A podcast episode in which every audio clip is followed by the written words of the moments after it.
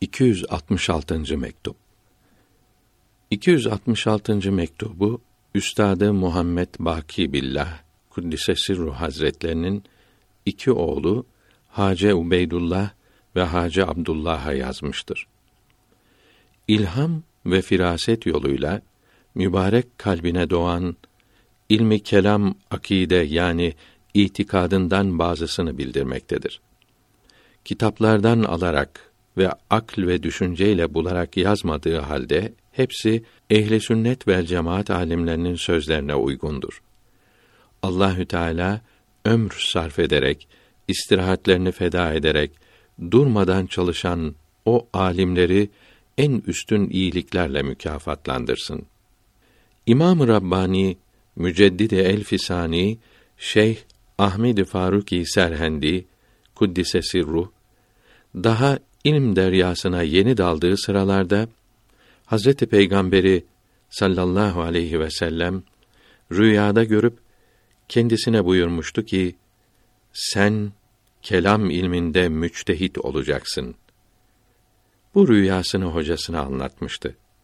O günden beri ilmi kelamın her meselesinde ayrı içtihadı ve görüşleri vardır. Fakat meselelerin çoğunda Maturidiye imamımızla beraberdir. Eski Yunan feylesoflarının İslamiyete uymayan sözlerini reddedip yanıldıklarını ispat etmekte ve tasavvuf büyüklerini tanıyamayarak ve sözlerini anlayamayarak yoldan çıkan, sapıtan ve kendilerini din adamı sanıp herkesi de yoldan çıkartan cahil ve ahmakların yüz karalarını meydana çıkarmaktadır. Bu mektupta ayrıca namaza ait birkaç fıkıh meselesini de bildirmekte ve tasavvufun kıymetini ve yüksekliğini ve bu yoldan yükselmiş olan büyüklerin İslamiyete sımsıkı sarılmış olup bunları tanımayan zavallıların iftiralarının çürüklüğünü ve musiki dinlememeyi ve dans ve oyun yerlerine gitmemeyi ve daha birkaç şeyi bildirmektedir. Allahü Teala'ya hamdolsun. Bütün dualar ve iyilikler onun peygamberi ve sevgilisi ve bütün insanların her bakımdan en güzeli ve en üstünü olan Muhammed Mustafa'ya sallallahu aleyhi ve sellem ve onu sevenlerin ve izinde gidenlerin hepsine olsun. Allahü Teala siz yüksek hocamın kıymetli yavrularını da saadet-i ebediyeye kavuştursun. Yüksek üstadımın beni dünya ve ahiret nimetlerine kavuşturan kıymetli hocamın sevgili yavruları.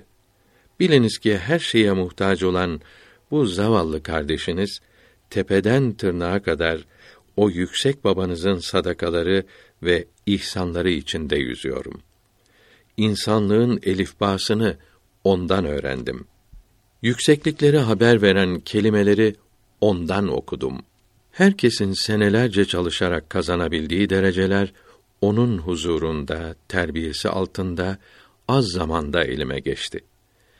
İnsanlara meziyet, üstünlük veren bütün kıymetler ona hizmetimin ikramiyesi olarak üzerime serpildi. Hiçbir işe yaramayan ve insanlıktan haberi olmayan bu zavallı, onun nurlu bakışları altında iki buçuk ay içinde olgunlaşarak büyüklerin yoluna katıldı. Onların Allahü Teala'ya olan yakınlıklarına kavuştu. Böyle az bir zamanda tasavvufu tatmış olanların tecelliler, zuhurlar, nurlar, haller ve keyfiyetler diye anlatmak istedikleri gizli kazançlar babanızın parlak kalbindeki deryanın damlaları olarak önüme saçıldı. Bunlardan hangi birini anlatayım? Onun lütfederek, acıyarak mübarek gönlünü bu fakire çevirmesiyle tasavvufçuların tevhid, bir bilmek, kurp, yakınlık, maiyet, beraberlik, ihata, her tarafı kaplamak, sereyan, her zerrede bulunmak gibi sözlerle anlatmak istedikleri marifetlerden, ince bilgilerden ele geçmeyen hemen hemen birisi kalmadı. Bunların içlerinden, özlerinden bildirilmedik bırakılmadı. Vahdet-i vücut dedikleri her şeyde Allahü Teala'nın kemalatını görmek ve vahdette kesreti bulmak bu ince bilgilerin başlangıcıdır. İslam büyüklerinin eriştiği, tanıdığı bilgileri kelime kadrosuyla anlatmaya kalkışmak cahillik ve ahmaklık olur. Bunların kavuştukları, yetiştikleri dereceler çok yüksektir. Anladıkları, edindikleri bilgiler ve zevkler çok incedir. Her bilgi satanın büyük ve önder sanılanların yetişeceği, yanaşacağı yer değildir. O çok yüksek babanızın bu zavallıya olan nimetlerine, ihsanlarına karşı ölünceye kadar başımı kapınız hizmetçilerinin ayaklarına sürsem size karşı bir şey yapmış olamam. Hangi kusurumu bildireyim? Mahcubiyetimden, yüzümün karasından hangisini meydana çıkarayım? Allahü Teala Hüsamettin Ahmet'ten razı olsun ki sizlere karşı olan vazifemizi, borcumuzu üzerine alarak kapınıza kul olmakla, hizmetinizde çalışmakla şereflenmekte, böylece rahat nefes almamıza sebep olmaktadır. Farisi Beyt tercümesi Vücudumun her zerresi dile gelse de şükrünün binde birini yapamam yine. Asırların yetiştiremeyeceği, insan gücünün ölçemeyeceği o kıymetler hazinesinin kapısının eşiğini öpmekle üç defa şereflenmiştim. Üçüncüsünde buyurdu ki, zayıf düştüm. Yaşamak ümmidim azaldı. Benden sonra çocuklarımı gözet. Sizleri getirdiler. O zaman daha küçük idiniz. Kucakta taşınıyordunuz. Size teveccüh etmemi emir buyurdular. Emirlerine uyarak yüksek huzurlarında üzerinize o kadar teveccüh olundu ki tesiri görünü verdi. Sonra bunların annelerine de uzaktan teveccüh et buyurdular. Yanımızda olmadığı halde onlara da teveccüh olunmuştu. Emirleriyle ve huzurlarında olduğu için o teveccühlerin çok faydeler sağlayacağını ümid ediyorum. Babanızın her halde yapılması lazım gelen emirlerini ve her ne bahasına olursa olsun yerine getirilmesi gereken vasiyetlerini unutacağımı veya dalgınlığıma geleceğini sanmayınız. Buna imkan olur mu? Ufak bir işaretinizi bekliyorum. Şimdilik birkaç satır nasihat yazıyorum. Can kulağıyla dinleyiniz. Cenab-ı Hak ikinizi de saadet-i ebediyeye kavuştursun. Her Müslümanın önce itikadını düzeltmesi, yani ehli sünnet ve cemaat alimlerinin rahmetullahü teala aleyhim ecmaîn bildirdikleri gibi inanması lazımdır. Durmadan, yılmadan çalışan o alimlere Allahü Teala bol bol mükafat versin. Cehennemin ebedi azabından kurtulan yalnız bunlar ve bunların izinde gidenlerdir. Bunların bildirdiği itikatlardan unutulmakta olanları anlatacağım. İmanın şartı altıdır. Birincisi Allahü Teala'ya inanmaktır. Allahü Teala kendi zatıyla vardır. Ondan başka her şey onun var etmesiyle var olmuştur. Kendisi ve sıfatları ve işleri yeganedir, birdir. Yani hiçbir şey hiçbir bakımdan Allahü Teala'ya benzemez. Varlıkta şeriki, ortağı olmadığı gibi hiçbir bakımdan benzeri yoktur. Benzerlik yalnız isimde ve kelimelerdedir. Onun sıfatları da, işleri de kendi gibi akl ile anlaşılmaz ve anlatılamaz ve insanların sıfatlarına, işlerine hiç benzemez ve uymaz. Onun sekiz sıfatı vardır. Bunlara sıfatı subutiye denir. Bunlardan biri ilm sıfatıdır. Yani Allahü Teala bilicidir. Bu sıfatı da kendi gibi kadimdir. Yani sonradan olma değildir. Hep vardı ve basit. Yani bir haldedir. Hiç değişmez, bölünmez ve çoğalmaz. Bildiği şeyler değişmekte, her değişmeyi bilmektedir. Fakat ilminde ve ilminin bu şeylere bağlanmasında bir değişiklik olmaz. Geçmişteki sonsuzdan gelecekteki sonsuza kadar yani ezelden ebede kadar her şeyi, her değişmeyi yalnız bir bilişle bilmektedir. Yani bu sonsuz zamanlarda olan her şeyi birbirine benzeyen ve benzemeyen halleriyle hem büyüklerini hem de ufak zerrelerini her birini kendi zamanında olarak bir anda bilmektedir. Mesela bir kimsenin hem varlığını hem yokluğunu, hem doğmadan evvelki hallerini, çocukluğunu, gençliğini, ihtiyarlığını, diri olmasını ve ölü olmasını, ayakta, oturmakta, dayanmakta, yatmakta, gülmekte, ağlamakta, neşe ve lezzette, dert ve kederde, izzet ve kıymette, zillet ve aşağılıkta, mezarda, kıyamette ve mahşer yerinde ve mesela cennette nimetler içinde olduğunu hep bir anda ve bir halde bilmektedir. Ne ilminde ne de ilminin bu şeylere bağlanmasında bir değişiklik olmaz. Değişiklik olsa zamanın da değişmesi olur. Halbuki orada ezelden ebede kadar parçalanamayan bir an vardır. Daha doğrusu Allahü Teala zamanlı değildir. Öncelik ve sonralık yoktur. İlmi her şeye yetişir dersek, her şeyi bir bilmekle ve ilmin bunlara bir bağlanmasıyla biliyor. Bu bir bilgi ve bir bağlantıda aklın eremeyeceği bir bağlanmaktır. Bunu akla anlatabilmek için şu misali uygun buluyorum. İnsan bir kelimenin çeşitli hallerini, birbirine benzemeyen şekillerini bir anda düşünebilir. Bir kelimeyi bir an içinde hem ism, hem fiil, hem harflerin kümesi, hem madi, hem müstakbel, hem emr, hem men, hem edatlı, hem edatsız, hem müsbet, hem menfi bilebilir. Çeşitli şekilleri bir anda kelimede ayrı ayrı görüyorum diyebilir. Bir insanın ilminde ve hatta görmesinde ters ve çeşitli halleri bir araya toplaması mümkün olunca Allahü Teala'nın ilminde neden mümkün olmasın? Hem de onun ilminde iki zıddın bir arada bulunması görünüştedir. Yoksa orada zıtlık yoktur. Mesela bir kimseyi bir anda hem var hem yok bilir. Fakat yine o anda onun varlığını mesela hicretten bin sene sonra ve birinci yokluğunu bu varlıktan evvel, ikinci yokluğunu da mesela varlığından yüz sene sonra olarak bilmiştir. O halde arada zıtlık yoktur. Zira varlığın ve yokluğun zamanları başkadır. İşte Allahü Teala ayrı ayrı, başka başka zerreleri bir anda biliyorsa da ilminde değişmek olmuyor. Felsefecilerin zannettiği gibi ilm sıfatında sonradan bir şey hasıl olmuyor.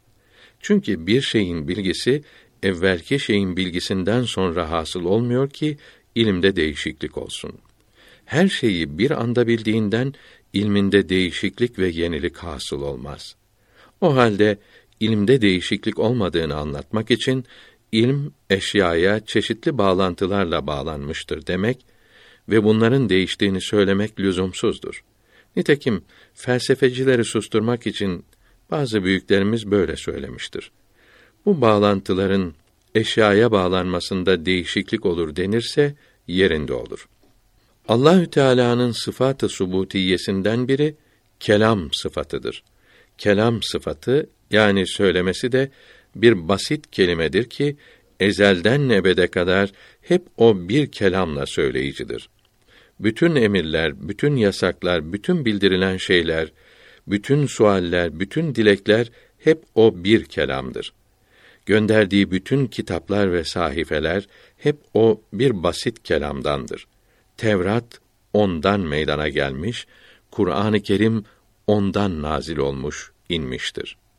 Allahü Teala'nın sıfatı subutiyesinden biri tekvin sıfatıdır. Yani yaratıcıdır. Bütün yarattıkları, yaptıkları da bir fiil, bir yapıştır ki ilk yarattığından sonsuza kadar yaratmaları hep o bir fiille var olmaktadır. Bir göz kırpacak zamanda her şeyi yaptık. Mealindeki ayet-i kerime bunu gösteriyor. Hayat vermesi ve öldürmesi hep o bir fiil iledir. Yaratması ve yok etmesi de o fiildendir. Fiilinde de çeşitli bağlantılar yoktur. Bir taallükle ilk ve sonradaki her şeyi kendi zamanlarında yaratıyor. Akl onun fiilini, işini anlayamayacağı gibi fiilin bağlanmalarına da erememektedir. Aklın oraya yolu yoktur. Ehli sünnet alimlerinden Ebul Hasan Eş'ari bile Allahü Teala'nın fiilini anlayamayarak tekvin sıfatına yani yaratmasına sonradan olma hadistir dedi. Yani her şeyi yapması yaptığı zaman meydana geliyor dedi. Halbuki her zaman yapılan işler ezeldeki fiilin eserleri meydana çıkmalarıdır. Yoksa fiilin kendisi değildir. Tasavvuf büyüklerinden fiillerini görüyoruz. Yani tecelli efale kavuştuk diyenler de böyle yanılıyor. Her şeyde Allahü Teala'nın fiilini görüyoruz sanıyorlar. Halbuki o tecelliler, görünenler fiilin kendisi değil, eserleridir. Zira Allahü Teala görülemediği gibi fiili de görünmez, hissolunamaz, düşünülemez ve akl ile anlaşılamaz. Onun fiili de bütün sıfatları da kadimdir. Sonradan olma değildirler. Kendisiyle hep vardırlar. Onun fiiline tekvin denir. Mahlukat aynasına yerleşmez ve görünmez. Farisi Beyt tercümesi Dar olan şekl ve suret kabına mana nasıl sığar? Dilenci kulübesinde sultanın ne işi var? Bu fakire göre Kaddesallahu Teala sırrehül aziz Allahü Teala'nın kendi tecellisi olmaksızın fiillerinin ve sıfatlarının tecellisi olamaz. Sıfatları ve fiilleri kendinden ayrılmaz ki kendi tecellisi olmaksızın tecelli edebilsinler. Onun zatından ayrılan fiillerinin ve sıfatlarının zilleri, akisleri, görünüşleridir. Herkes bunları anlayamaz. Cenab-ı Hak dilediği kullarına bildirir. Onun ihsanı çoktur. Yine sözümüze gelelim. Allahü Teala hiçbir şeye hulul etmez. Hiçbir cisim içine işlemez. Hiçbir şey ona hulul etmez. Fakat Allahü Teala her şeyi ihata etmiş, kaplamıştır ve her şeye yakındır ve her şeyle beraberdir. Fakat bizim alıştığımız ve anladığımız ihata, kurp ve maiyet gibi değildir. Bunlar ona layık değildir. Evliyanın keşf ile müşahede ile anladığı ihata, kurp ve maiyet de ona layık değildir. Zira zavallı mahlukların hiçbiri onu ve sıfatlarını ve fiillerini anlayamaz, bilemez. Anlamadan inanmak lazımdır. Farisi Beyt tercümesi. Anka kuşu avlanamaz, tuzağını topla. Bu avlanmada giren yalnız havadır tuzağa. Yüksek rehberimin Kaddesallahu Teala sırrehül aziz mesnevisinden şu beyti buraya yazmak uygundur. Farisi beyt. Gidilecek yol uzundur pek. Uygun olmaz kavuştum demek. Allahü Teala'nın her şeyi ihata ettiğine ve her şeye yakın olduğuna ve her şeyle beraber olduğuna inanırız. Fakat bu ihata, kurp ve maiyetin ne demek olduğunu bilemeyiz. İlmi ihata etmiştir, ilmi yakindir demek, Kur'an-ı Kerim'in açık olan manasını çevirmek demektir. Biz böyle manalar vermeyi doğru bulmuyoruz. Allahü Teala hiçbir şeyle ittihad etmez, birleşmez. Hiçbir şeyde onunla birleşmez. Tasavvuf büyüklerinden ittihat manası anlaşılan sözler çıkmış ise de onlar başka şey demek istemiştir. Mesela fakirlik tamam olunca Allahü Teala'dır sözleriyle her şey yoktur ancak Allahü Teala vardır demek istiyorlar. Yoksa o fakir Allahü Teala ile birleşir demek istemiyorlar. Bunu demek kâfirlik, zındıklık olur.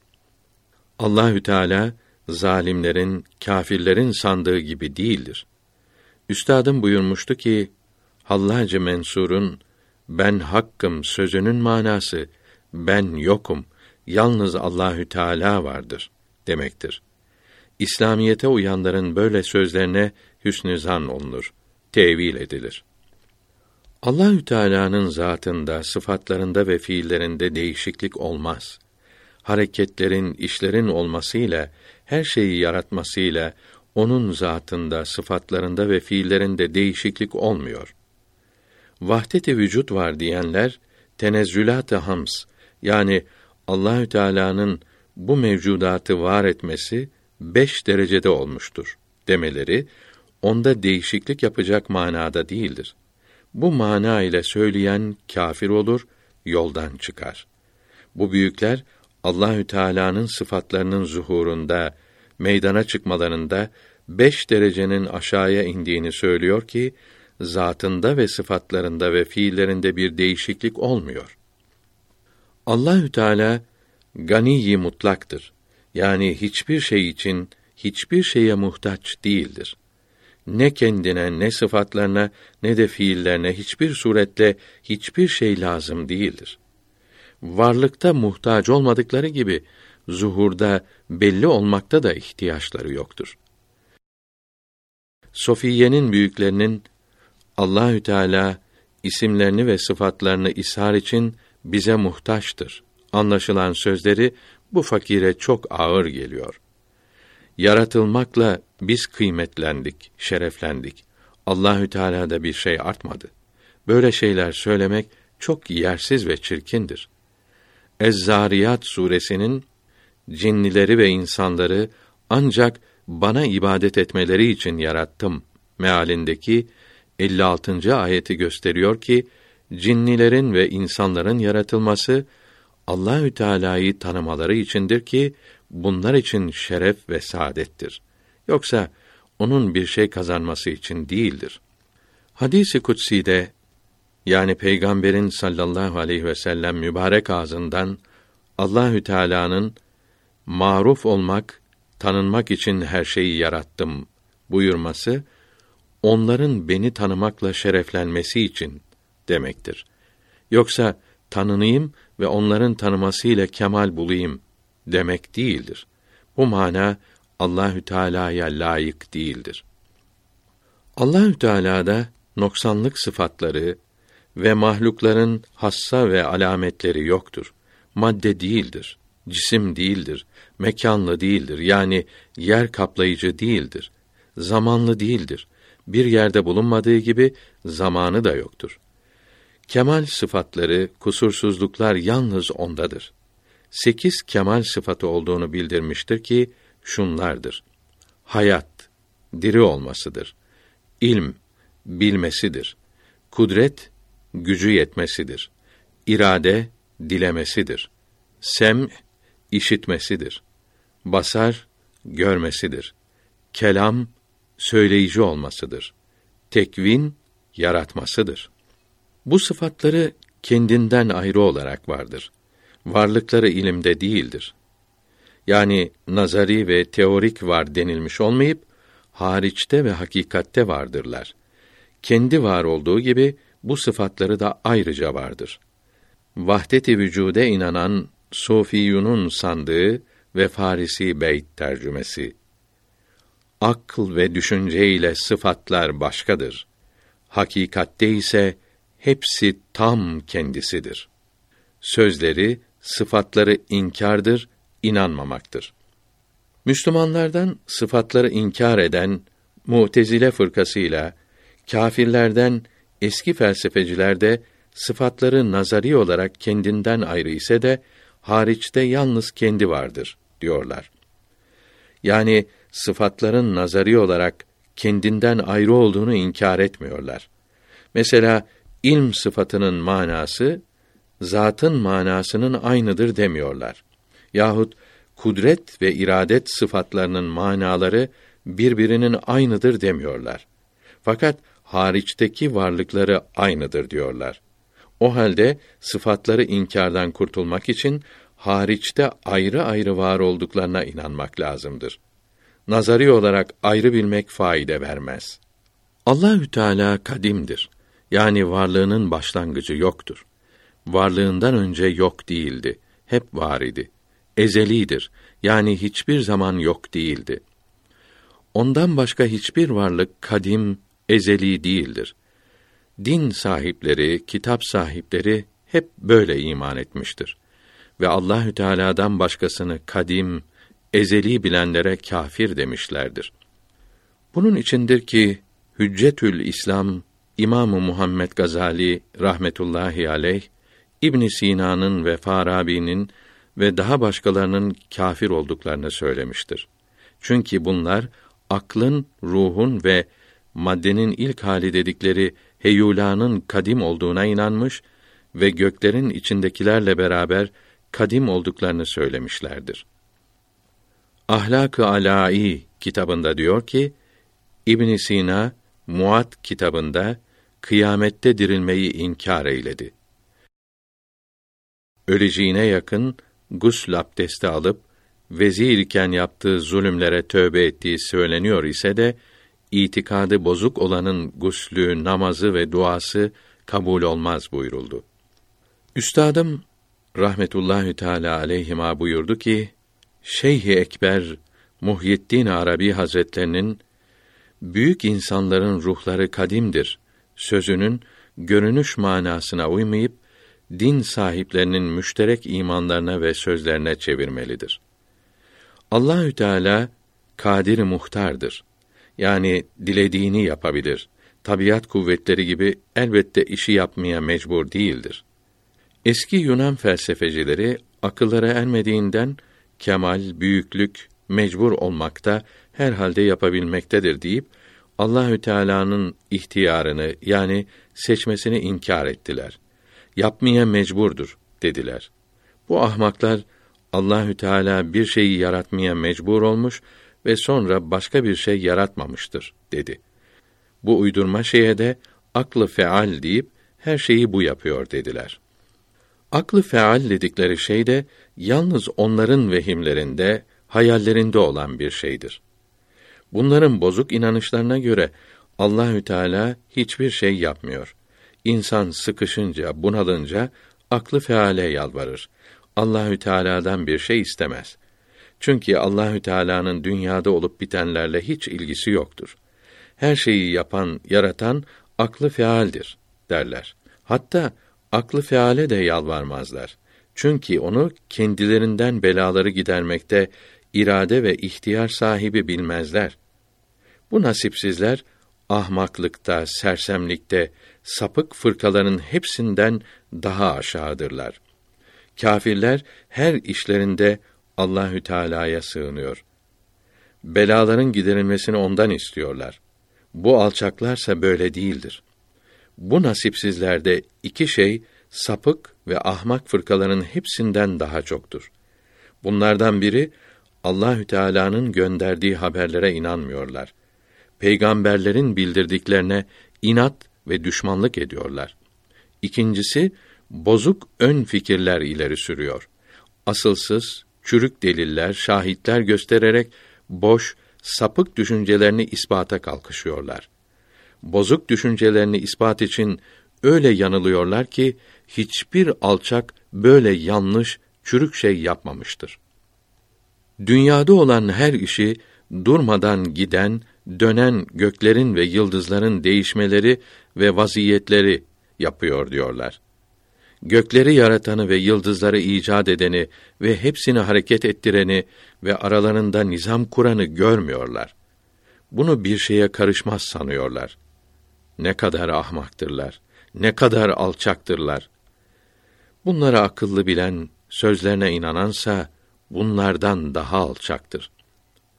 Onların akla dayanan düzgün ilimlerinden biri geometri, hendesedir ki ne dünya saadetine ne de ebedi kurtuluşa faydası yoktur. Bir üçgenin üç iç açısının toplamı iki dik açıya müsavidir demek ve bunu ispatlamak insanlar ne kazandırır? Fen bilgileri, modern fabrikalar ve elektronik aletler ve yeni bulunan her şey Allah'ın peygamberine uyarak kalpleri temizlenmiş, ahlakı güzelleşmiş imanlı kimseler tarafından yapılmadıkça ve kullanılmadıkça faydalı olamazlar. İnsan haklarını, rahatı, huzuru sağlayamazlar. Harbin ve sefaletin ortadan kalkmasına yaramazlar. Zulme, işkenceye vasıta olurlar. İmam Gazali rahmetullahi aleyh kendilerini akıllı, ilim adamı ve hiç yanılmaz sanan dinsizleri üçe ayırmıştır. Birincisi dehriyun ve maddiciler olup bunlar eski Yunan felsefelerinden asırlarca evvel vardı. Bugün de fen adamı geçinen bazı ahmaklar bu kısımdadır. Bunlar Allahü Teala'nın varlığına inanmayıp alem böyle kendiliğinden gelmiş ve böyle gidecektir. Canlılar da böyle birbirlerinden üreyip sonsuz olarak sürecektir diyor. İkinci kısım tabiyeciler olup canlılarda ve cansızlardaki akıllara hayret veren intizamı ve incelikleri görerek Allahü Teala'nın varlığını söylemeye mecbur kalmışlarsa da tekrar dirilmeyi, ahireti, cenneti ve cehennemi inkar etmişlerdir.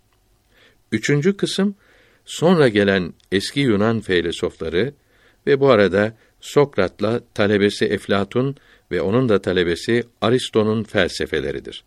Bunlar dehrileri ve tabiiyicileri reddederek aldandıklarını ve alçaklıklarını bildirmek için başkalarının sözlerine hacet kalmayacak kadar şeyler söyledi.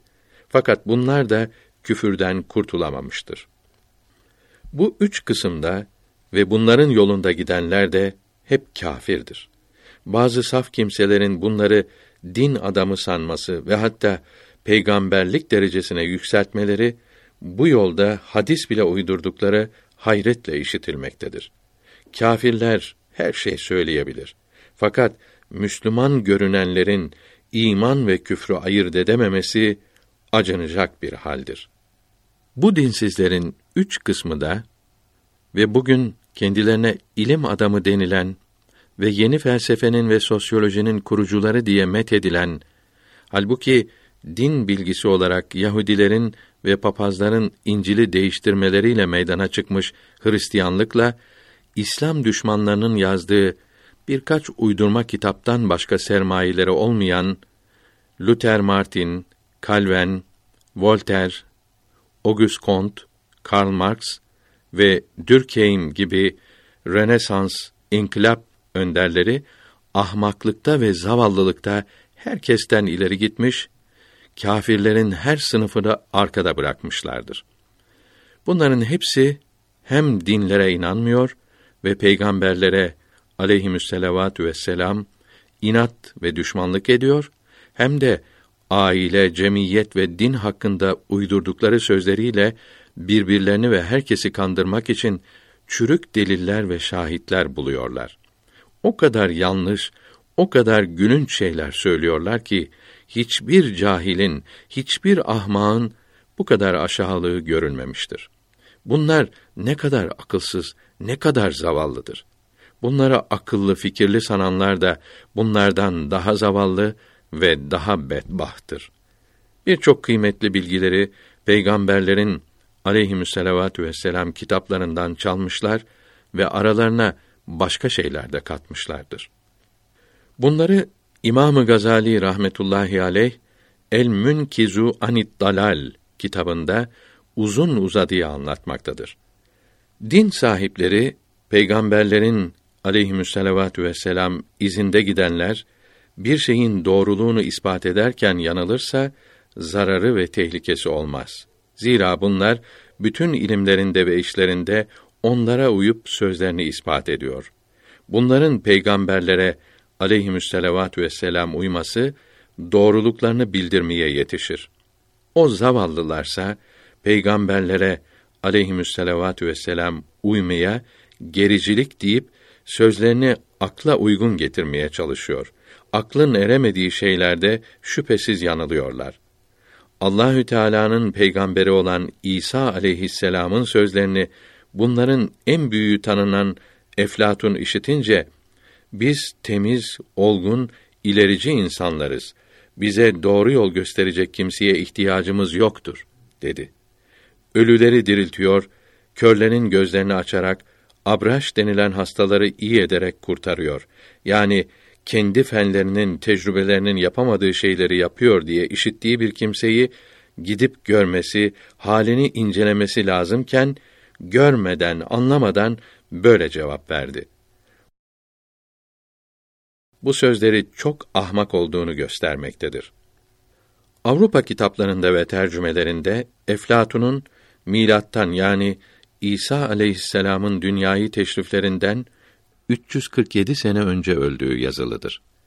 Kendisi meşhur olduğundan ölüm zamanına inanılırsa da İsa aleyhisselama ancak 12 havari inanıp İseviler az ve asırlarca gizli yaşadıklarından milat yani Noel gecesi doğru anlaşılamamıştır. Miladın birinci kanun Aralık 25'inde veya ikinci kanun Ocak 6. veya başka gün olduğu sanıldığı gibi bugünkü miladi senenin bir veya dört sene az olduğu çeşitli dillerdeki kitaplarda yazılıdır. O halde miladi sene Müslümanların senesi olan hicri sene gibi doğru ve kat'î olmayıp günü de senesi de şüpheli ve yanlıştır. İmam-ı Rabbani'nin kuddisesi ruh buyurduğuna göre 300 seneden fazla olarak noksandır ve İsa aleyhisselamla Muhammed aleyhisselam arasındaki zaman bin seneden az değildir.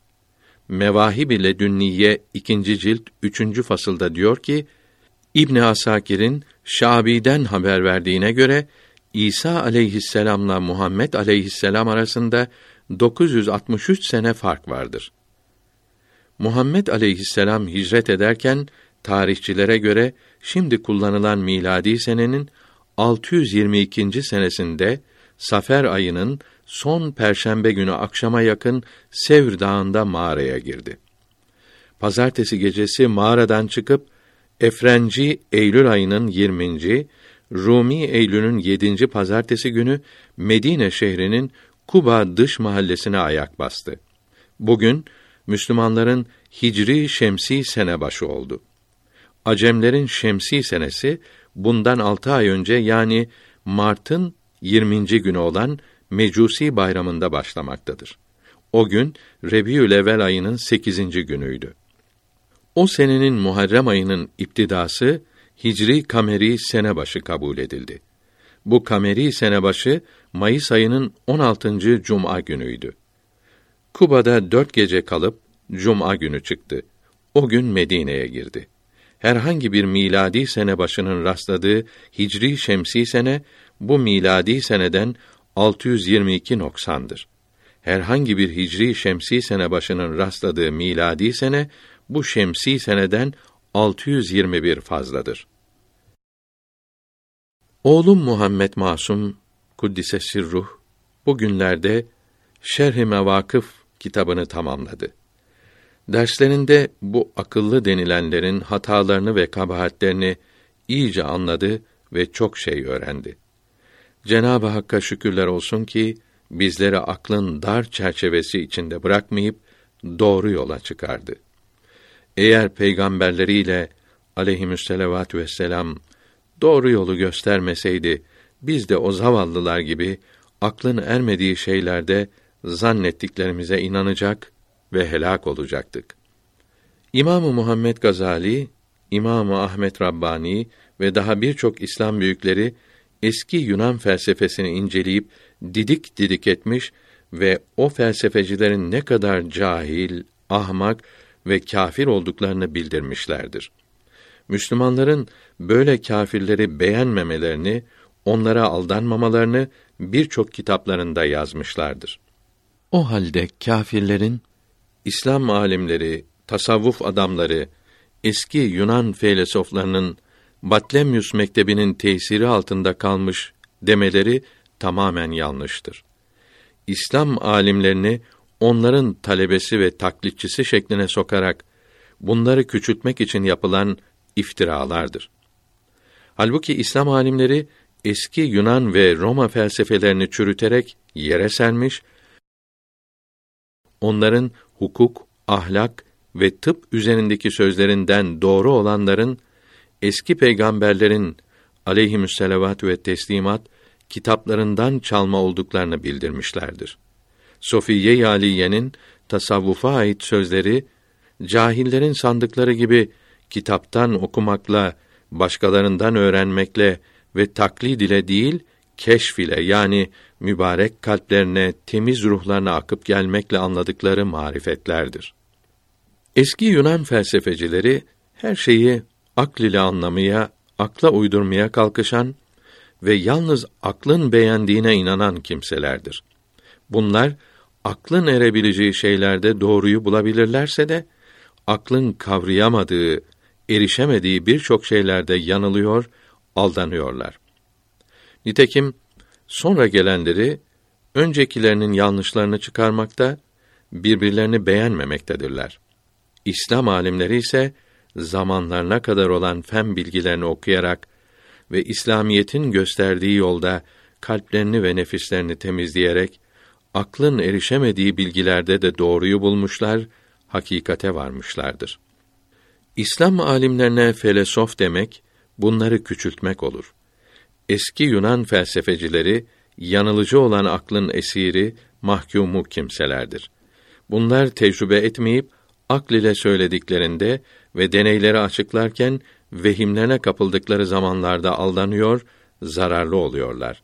Bunun için ve aklın üstüne çıkamadıkları için bunlar İslam alimi gibi yüksek olamaz. Aklı olmayan delidir. Aklını kullanmayan sefihtir. Akla uygun iş yapmamak sefahettir. Aklı az olan da ahmaktır. Yalnız akla uyup, yalnız ona güvenip, aklın ermediği şeylerde yanılan kimse, eski kafalı felsefecidir. Aklın erdiği şeylerde ona güvenen, aklın ermediği, yanıldığı yerlerde Kur'an-ı Kerim'in ışığı altında akla doğruyu gösteren yüksek insanlar da İslam alimleridir. O halde İslamiyette felsefe yoktur. İslam felsefesi, İslam filosofu yoktur. Felsefenin üstünde olan İslam ilimleri ve felsefecilerin üstünde olan İslam alimleri vardır. Muhyiddin Arabi'nin Kuddisesi Ruh kitaplarından da Allahü Teala'nın tabiat kuvvetleri gibi her şeyi iradesiz yaptığı manası anlaşılıyor. Allahü Teala'nın kudretini anlatırken eski Yunan felsefecilerine uyduğu seziliyor. İsterse yapmaz demiyor da yapması lazımdır diyor.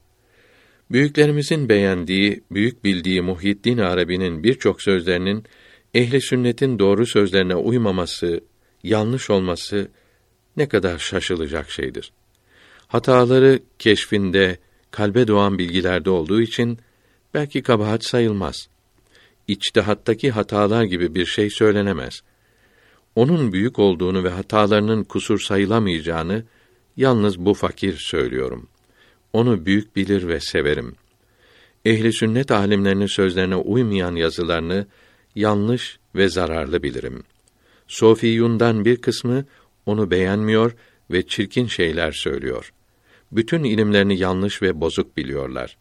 Bir kısmı da ona uyarak bütün ilimlerini, yazılarını olduğu gibi alıyor. Hepsini doğru biliyor ve doğruluklarını ispat etmeye kalkışıyor. Bu iki kısımda yanılıyor. Adaletten ayrılıyor. Bir kısmı haddi aşıyor. Birisi de büsbütün mahrum kalıyor. Evliyanın büyüklerinden olan Muhyiddin Arabi kuddise sırruh keşflerindeki hatasından dolayı büsbütün reddolunabilir mi? Fakat ehli sünnetin doğru sözlerine uymayan hatalı bilgilerine uyulur mu ve her şeyde kabul olunur mu? Burada doğru yol Cenab-ı Hakk'ın bize ihsan ettiği iki tarafa sapmayan orta yoldur. İmam-ı Suyuti Hazretleri Tembihül Gabi kitabında Muhiddin Arabi Hazretlerinin büyüklüğünü vesikalarla ispat etmektedir. Ebu Suud Efendi fetvalarında da ona dil uzatılamayacağı yazılıdır. Rahmetullahi Teala aleyhim. Vahdet-i vücut bilgisinde Sofiye'nin çoğunun Muhyiddin Arabi ile beraber olduğu meydandadır. Kendisi burada da hususi bir yol tutmuş ise de sözün esasında ortaktırlar. Bu bilgileri de görünüşte ehli sünnet itikadına uymuyor ise de uydurulması kolaydır ve ikisini birleştirmek mümkündür. Bu fakir Cenab-ı Hakk'ın yardımıyla üstadımın rübaiyatını açıklarken bu bilgileri ehli sünnetin itikadıyla birleştirdim. Aradaki farkın yalnız sözde ve kelimelerde olduğunu göstererek her iki tarafın şüphe ettikleri yerleri öyle bir aydınlattım ki okuyanların hiç şüphesi kalmaz. Görünce anlaşılır. Ey Müslüman, iyi bil ki gördüğün, işittiğin her şey, meydana gelen her şey, madde ve cisim, bunların hassaları, akıllar, fikirler, düşünceler, gökler, yıldızlar, elementler ve bileşik cisimler yok idi. Hepsi Allahü Teala'nın istemesi ve yaratmasıyla var oldu.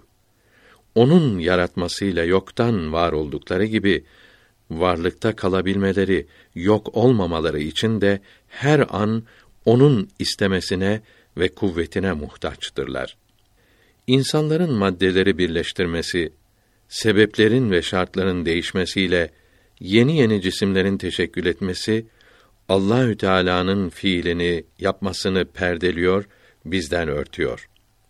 Kuvvetinin, kudretinin meydana çıkması için, yapması ve yaratması için sebepleri, vasıtaları araya koymuştur.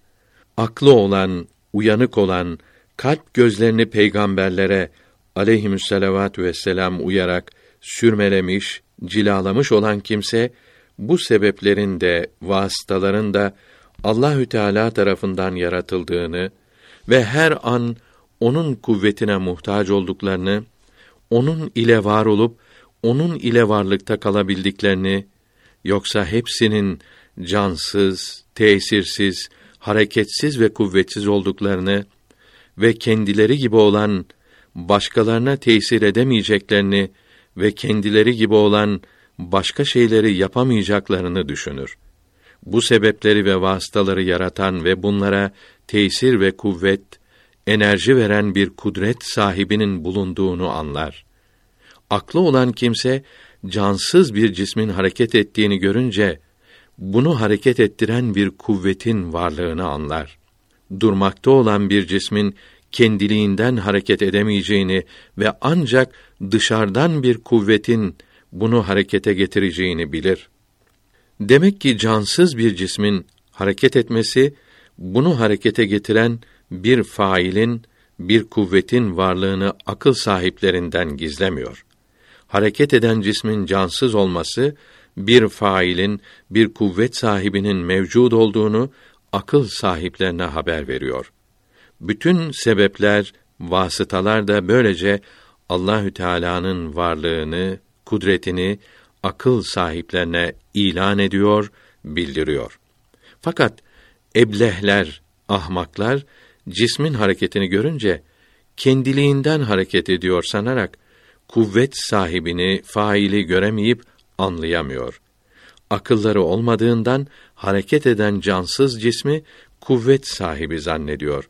Bunu hareket ettiren kuvveti, faili inkar ediyor, kafir oluyorlar. Allahü Teala'nın her şeyi sebeplerle, vasıta ile yapması, yaratması ahmakların, akılsızların inkarına, küfrüne sebep oluyor. Akıl ve vicdan sahiplerine de hidayet, kurtuluş yolunu gösteriyor. Sebepleri, vasıtaları görerek Allahü Teala'nın varlığını, birliğini, kudretini anlamak ancak peygamberlerin aleyhissalatu vesselam irşadıyla, uyandırmasıyla olmaktadır. İnsan aklı bunu kendiliğinden anlayamıyor. Bazı kimseler arada sebepler bulunmaması, her şeyin sebepsiz yaratılması büyüklüğe daha uygun olur sanıyor. Sebeplerde tesir yoktur. Sebepler karışmadan her şey doğrudan doğruya Allahü Teala'nın yaratmasıyla var oluyor diyorlar. Bunlar anlamıyor ki sebepleri aradan kaldırmak hikmeti yani Allahü Teala'nın uygun gördüğünü, adetini bozmak demektir. Bu hikmette ise nice faydeler vardır. Ya Rabbi, bu varlıkta hiçbir şeyi hikmetsiz, yersiz, uygunsuz yapmadın. Peygamberlerin hepsi aleyhissalavat ve teslimat her işlerinde sebeplere yapışırdı ve bununla beraber işlerin yaratılmasını Allahü Teala'dan dilerdi. Mesela Yakup aleyhisselam çocuklarını Suriye'den Mısır'a gönderdiği zaman nazar değmesin diye hepsi bir kapıdan girmeyip ayrı kapılardan girmelerini nasihat etti. Bununla beraber nazar değmemesini Allahü Teala'dan dileyip bu nasihati yapmakla Allahü Teala'nın sizin için dilediğini değiştiremem. Çünkü tedbir kaderi değiştiremez. Her zaman onun dediği olur. Sizi ona emanet ediyorum. Ona güveniyorum. Herkes de her işinde yalnız ona güvenmelidir. Herkesin zavallı bir vasıtadan başka bir şey olmadığını düşünerek yalnız ona güvenenlerin imdadına elbette yetişir dedi. Allahü Teala bu hali Yusuf suresinde o alim idi. Kaza ve kaderimi biliyordu. Ona bildirmiştim. Fakat insanların çoğu kaza ve kaderimi anlamıyor. Mealindeki 68. ayetinde bildiriyor ve beğeniyor. Beyt İnsan tedbir alır, sebeplere yapışır, takdiri bilmez. Allah'ın takdiri kulun tedbiriyle değişmez. Allahü Teala Peygamberimiz Muhammed aleyhisselatu vesselama da sebeplere yapışmasını emrediyor. Enfal suresi 64. ayetinde mealen Ey sevgili peygamberim sallallahu aleyhi ve sellem sana Allahü Teala ve müminlerden sana tabi olanlar yetişir buyuruldu. Sebeplerin tesirine gelince Allahü Teala sebeplerde bazen tesir yani iş yapabilecek kuvvet de yaratıyor. O işi hasıl ediyorlar. Bazen de aynı sebeplerde bu tesiri yaratmıyor. O işi yapamıyorlar. Bu hali herkes her zaman görmektedir. Aynı sebeplerin aynı işi bazen meydana getirdiğini, bazen de işi yapamadığını hepimiz görmekteyiz. Sebeplerde tesir yoktur demek, tecrübeleri, hadiseleri kör körüne inkar etmektir. Tesirine inanmalı. Fakat sebeplerdeki bu tesirlerin de kendileri gibi Allahü Teala'nın yaratmasıyla vücuda geldiğini bilmelidir. Bu fakirin rahmetullahü teala aleyh bu meseledeki sözü işte böyledir. Demek ki sebeplere yapışmak tevekküle, Allahü Teala'ya güvenmeye mani değildir. Aksini tasavvuf yolunda yürüyen ve henüz ilerlememiş olan sofiler söyler. Halbuki sebeplere yapışmak, sebepleri araya koymak tevekkülün en yüksek derecesidir. Yakup aleyhisselam hem sebeplere yapıştı hem de Allahü Teala'ya tevekkül etti. Ciğerler genişleyince temiz hava içeri giriyor. Daralınca kirli hava dışarı çıkıyor. Bu hal her dakika devam ederek yaşayabiliyoruz. Ciğerleri hareket ettiren kuvvet sahibinin ve havadaki yüzde yetmiş sekiz azot ve yüzde yirmi bir oksijen miktarının hiç değişmediğini gören akıl sahipleri Allahü Teala'nın varlığını hemen anlar. Bu yaratıcı var olduğunu haber de veriyor. İnanmayanı sonsuz yakacağım diyor. İmanın altı şartından biri de kadere, hayrın ve şerrin Allahü Teala'dan olduğuna inanmaktır. Allahü Teala hayrı ve şerri, iyiyi kötüyü irade eder, ister ve yaratır. İyilerin de kötülerin de Halık'ı, yaratanı odur. Fakat iyiliklerden razıdır, şerlerden razı değildir. Yani beğenmez. İrade başkadır, rıza başkadır. Aralarındaki farkı yalnız ehli sünnet alimleri görebilmiştir. Diğer 72 fırka bu farkı anlayamayarak hepsi dalalette kaldı, yollarını şaşırdı. Mesela Mutezile fırkası herkesi kendi işinin haliki zannetti ve filanca kimse filan işi yarattı dedi ve insanlar imanlarını ve küfürlerini kendileri yaratıyor dedi.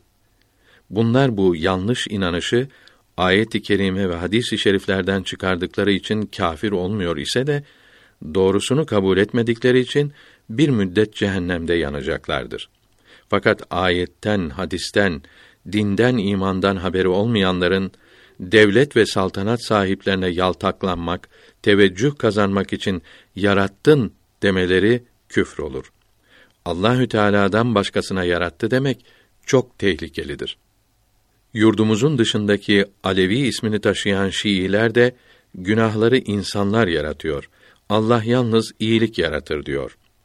İstanbul'da basılan Eshab-ı Kiram ve Hak Sözün vesikaları kitaplarında Şiilerin bu sözleri yazılmış, çok güzel cevap verilmiştir. Şeyh Ekber Muhyiddin Arabi'nin Kuddise Ruh ve izinde gidenlerin kitaplarından anlaşılıyor ki Allahü Teala'nın Hadi ismi imanı ve ibadetleri beğendiği gibi Mudil ismi de küfrü ve günahları beğenmektedir. Bu sözleri de ehli sünnet alimlerinin rahmetullahi teala aleyhi ecmaîn bildirdikleri doğru itikada uymuyor ve icaba iradeyi inkara yaklaşıyor. Güneş aydınlatmaktan razıdır demeye benziyor. Allahü Teala kullarına kuvvet, kudret, irade vermiştir. İstediklerini işlerler. İnsanlar işlerini kendileri yapıyor. Allahü Teala da yaratıyor. Allahü Teala'nın hikmeti, adeti şöyledir ki insan bir işi yapmak isteyince o da isterse o işi yaratır. Bu iş insanın kastiyle, ihtiyarıyla meydana geldiği için işin mesuliyeti, sevabı ve cezası o insana oluyor. İnsanın ihtiyarı zayıftır, azdır diyenler Allahü Teala'nın iradesinden az olduğunu demek istiyorlarsa doğrudur. Yok eğer emirleri yapacak kadar değildir diyorlarsa yanlıştır. Allahü Teala insanlara yapamayacakları bir şeyi emretmemiştir. Hep kolay emretmiş, güç şey istememiştir. Az zamandaki bir küfre sonsuz azap etmeyi ve az zamandaki imana sonsuz nimetler vermeyi takdir etmiştir. Bunun sebebini anlayamayız. Allahü Teala'nın yardımıyla şu kadar biliyoruz ki insanlara görünür görünmez bütün nimetleri, iyilikleri veren, yerlerin, göklerin, zerrelerin yaratanı ve noksansızlık, kusursuzluklar yalnız ona mahsus olan bir Allah'a inanmamak elbette çok şiddetli, çok acı azab ister ki bu da cehennemde sonsuz yanmaktır. Böyle bir nimet sahibine görmeden inanmak ve nefsin ve şeytanın ve din düşmanlarının aldatmalarına kanmayarak onun sözlerine güvenmek büyük mükafat ister ki bu da cennet nimetlerinde ve lezzetlerinde sonsuz kalmaktır. Meşahi kiramdan çoğu dedi ki cennete girmek yalnız Allah'ın fazlı ve ihsanı iledir. İmanı cennete girmeye sebep göstermek kazanılan nimetin lezzeti daha çok olduğu içindir.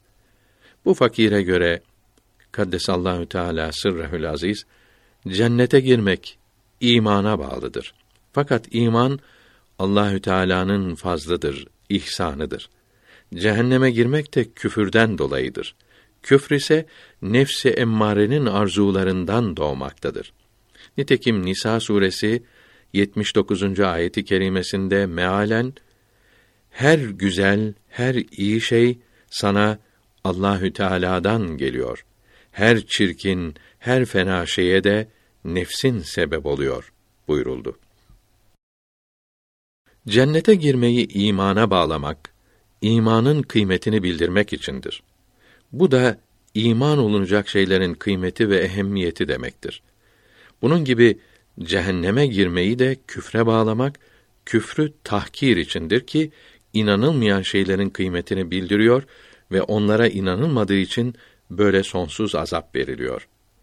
Bazı meşayihin başka türlü söylemelerinde bu incelik yoktur.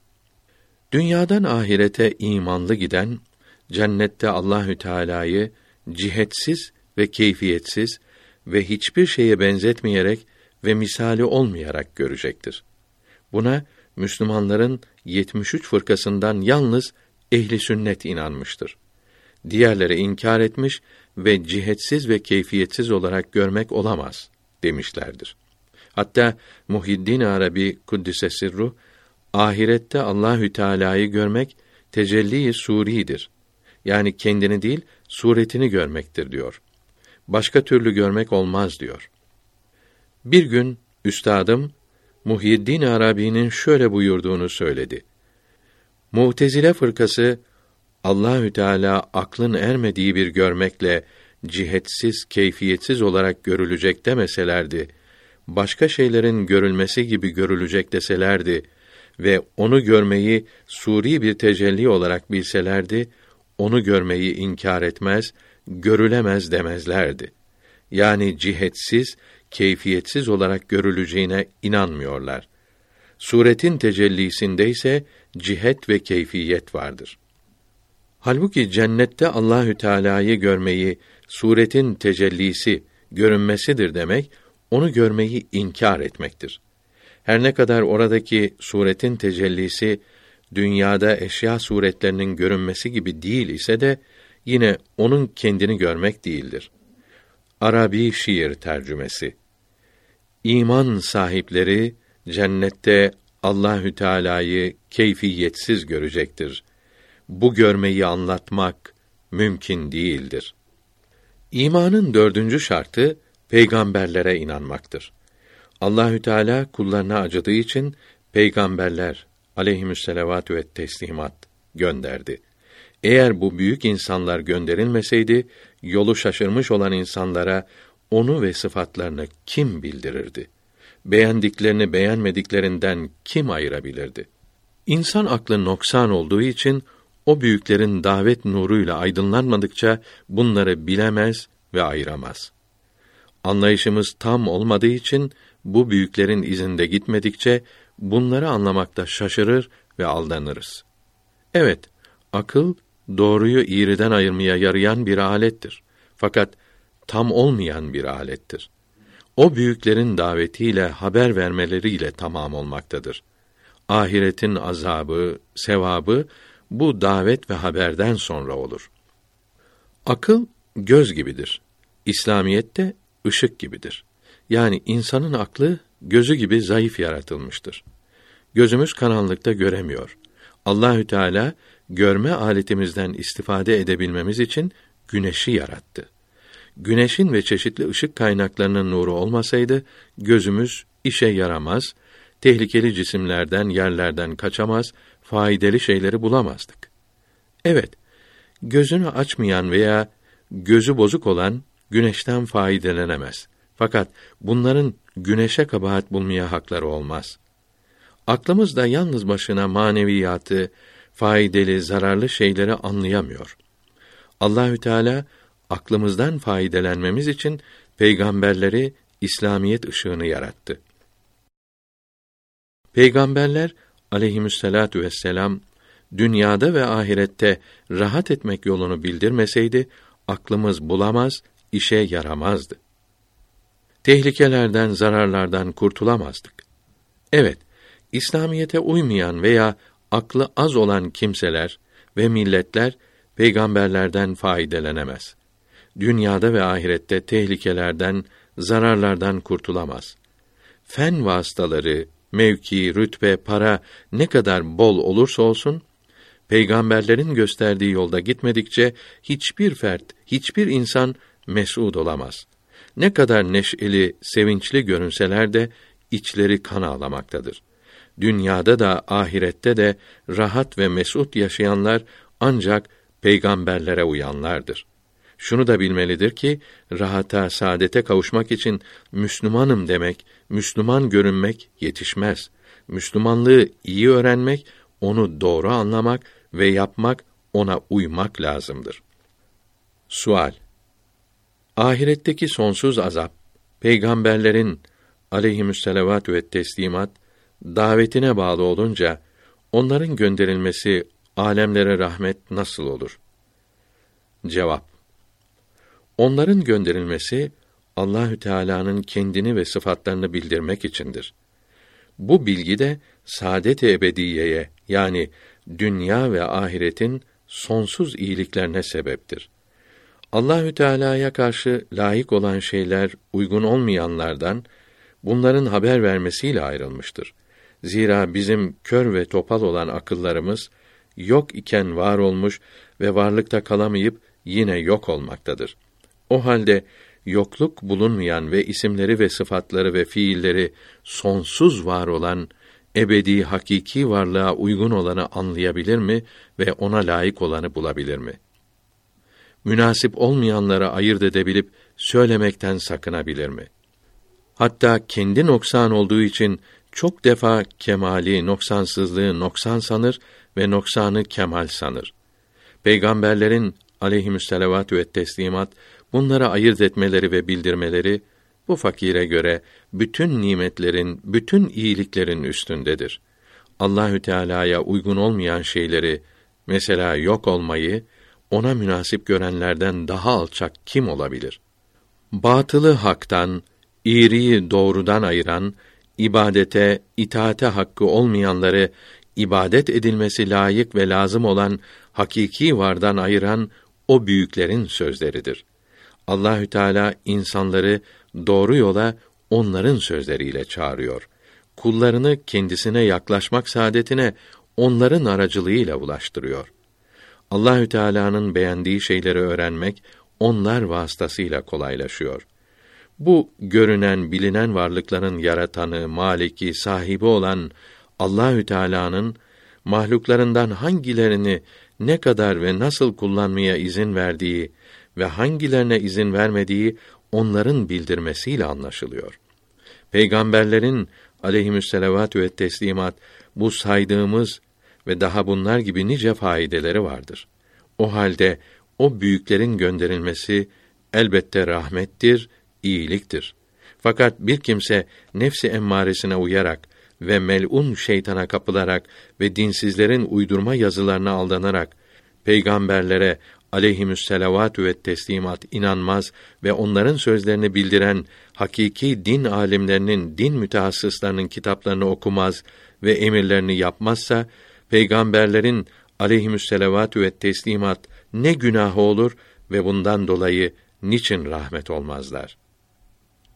Sual Akıl yaratıldığı şekildeyken Allahü Teala'ya ait şeyleri anlayacak kadar tamam değil, kusurlu ise de belki zamanla ilerleyerek ve temizlenerek onunla bizim anlayamayacağımız bir münasebet yapamaz mı?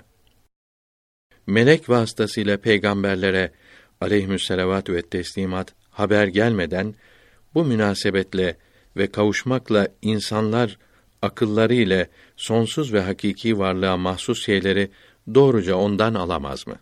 Cevap Akıl böyle bir münasebet elde edebilir. Fakat akıl dünyada kaldıkça bu bedene de bağlı kalır. Bu bağlılıktan kurtulamaz.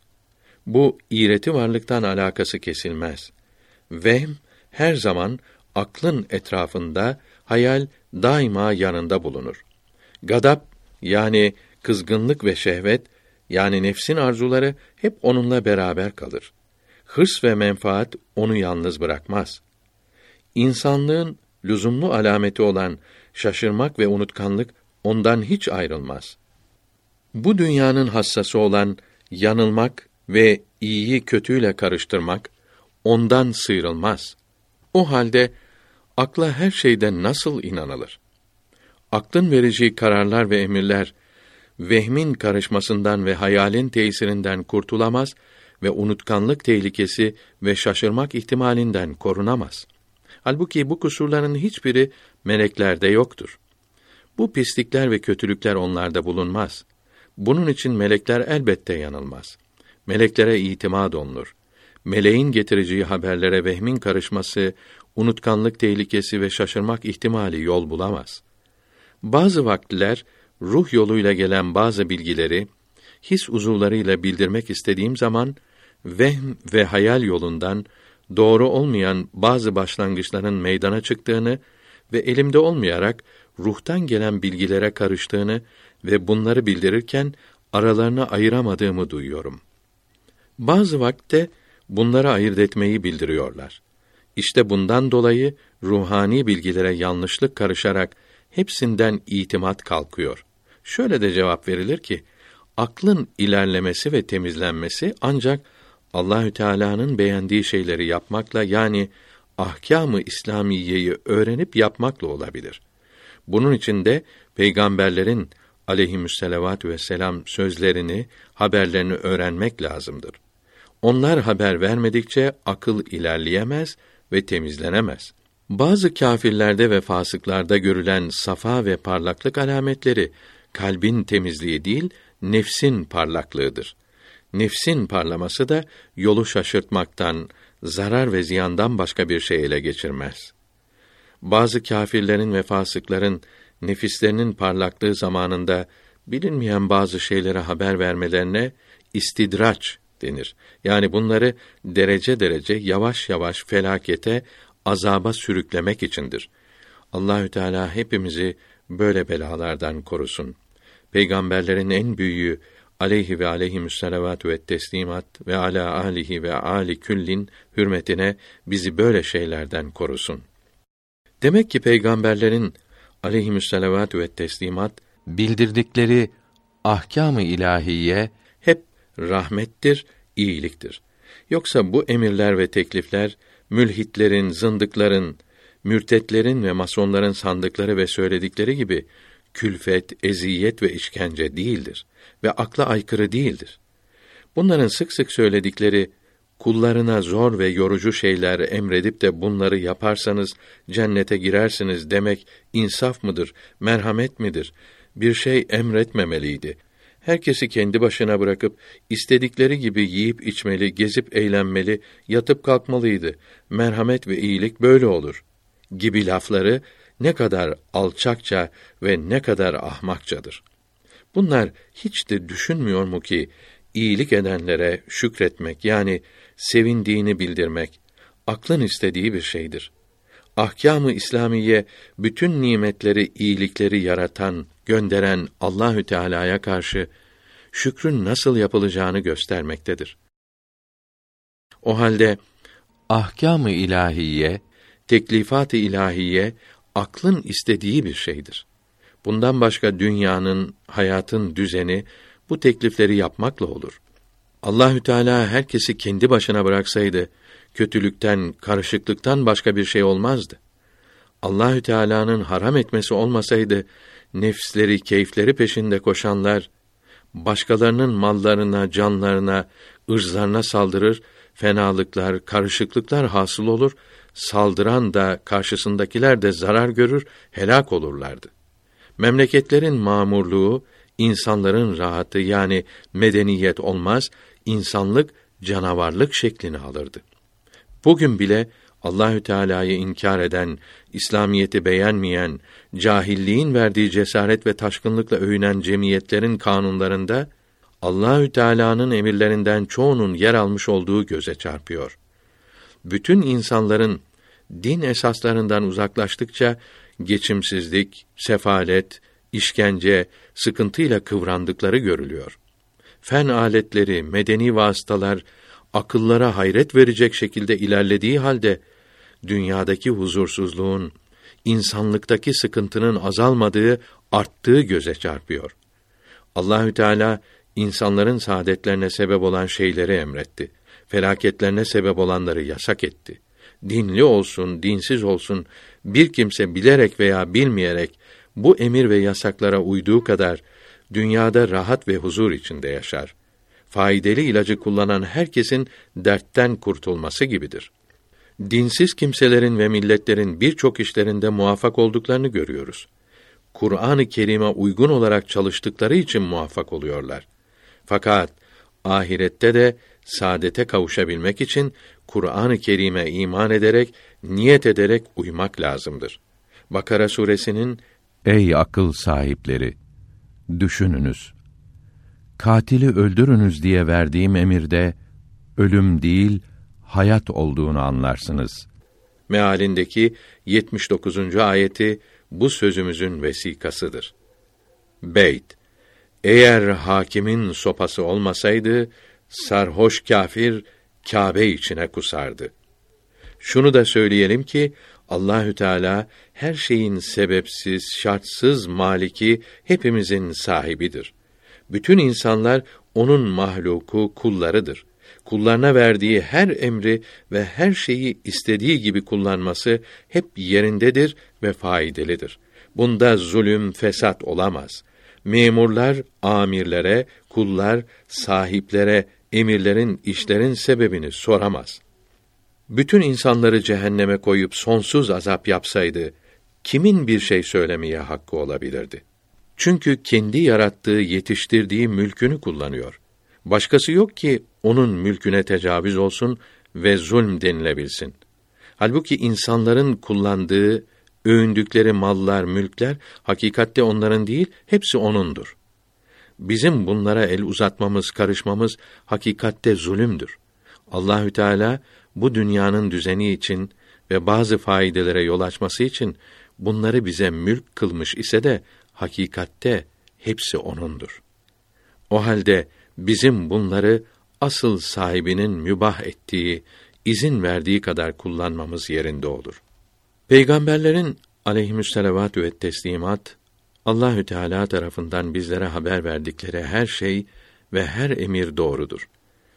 Kâfirlere ve iman ile gidenlerden asilere mezarda kabir azabı olduğunu muhbir-i sadık aleyhi ve ala aleyhissalatu vesselam haber vermiştir.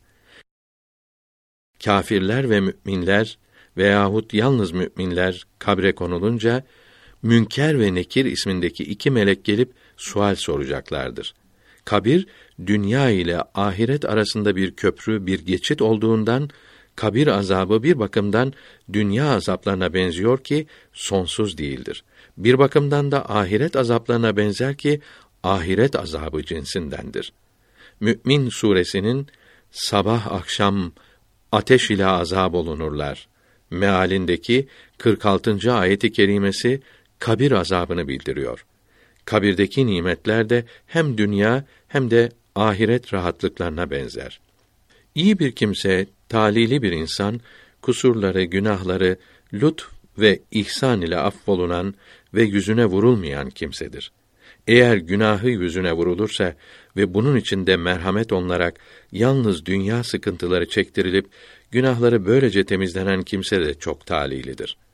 Bununla da temizlenmeyip geri kalan günahları için kabir sıkması ve kabir azabı çekerek günahları biten, kıyamet gününe, mahşer meydanına günahsız olarak götürülen de ne kadar çok talilidir.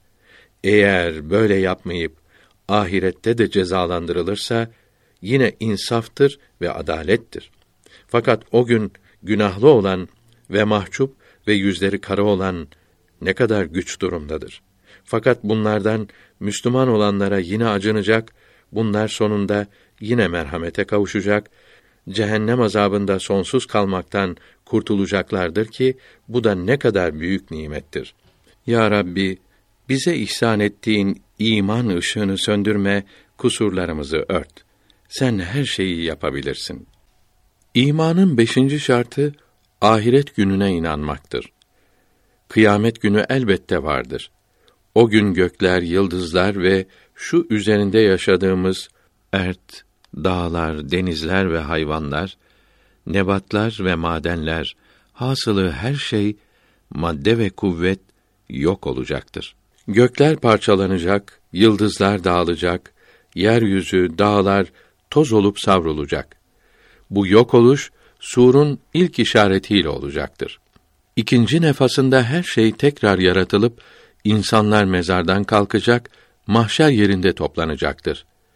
Eski Yunan filozofları ve kendilerine müsbet ilim adamı diyenler, yani her şeyi akıllarıyla çözmeye kalkışanlar, gökler ve yıldızlar yok olmaz dedi. Bunların yok olacağını fen kabul etmiyor. Böyle gelmiş, böyle gidecektir diyerek müşahede, tetkik ve tecrübeye dayanan fen bilgisine iftira ediyorlar. Bazısının aklı hiç de işlemediği için kendilerine Müslüman diyor. Ahkâm-ı İslamiyeden çoğunu da yapıyor. Şuna daha çok şaşılır ki bazı Müslümanlar bunların sözüne, kitaplarına inanıp bunları Müslüman, hatta İslam alimi din büyüğü sanıyor. Bunların küfürlerini, kafir olduklarını söyleyenlere kızıyor. Bu kâfirlerin met ve müdafaa ediyorlar. Halbuki bunlar Kur'an-ı Kerim'e ve hadis-i şeriflere inanmıyor. bütün peygamberlerin söz birliğiyle bildirdiklerini inkar ediyor.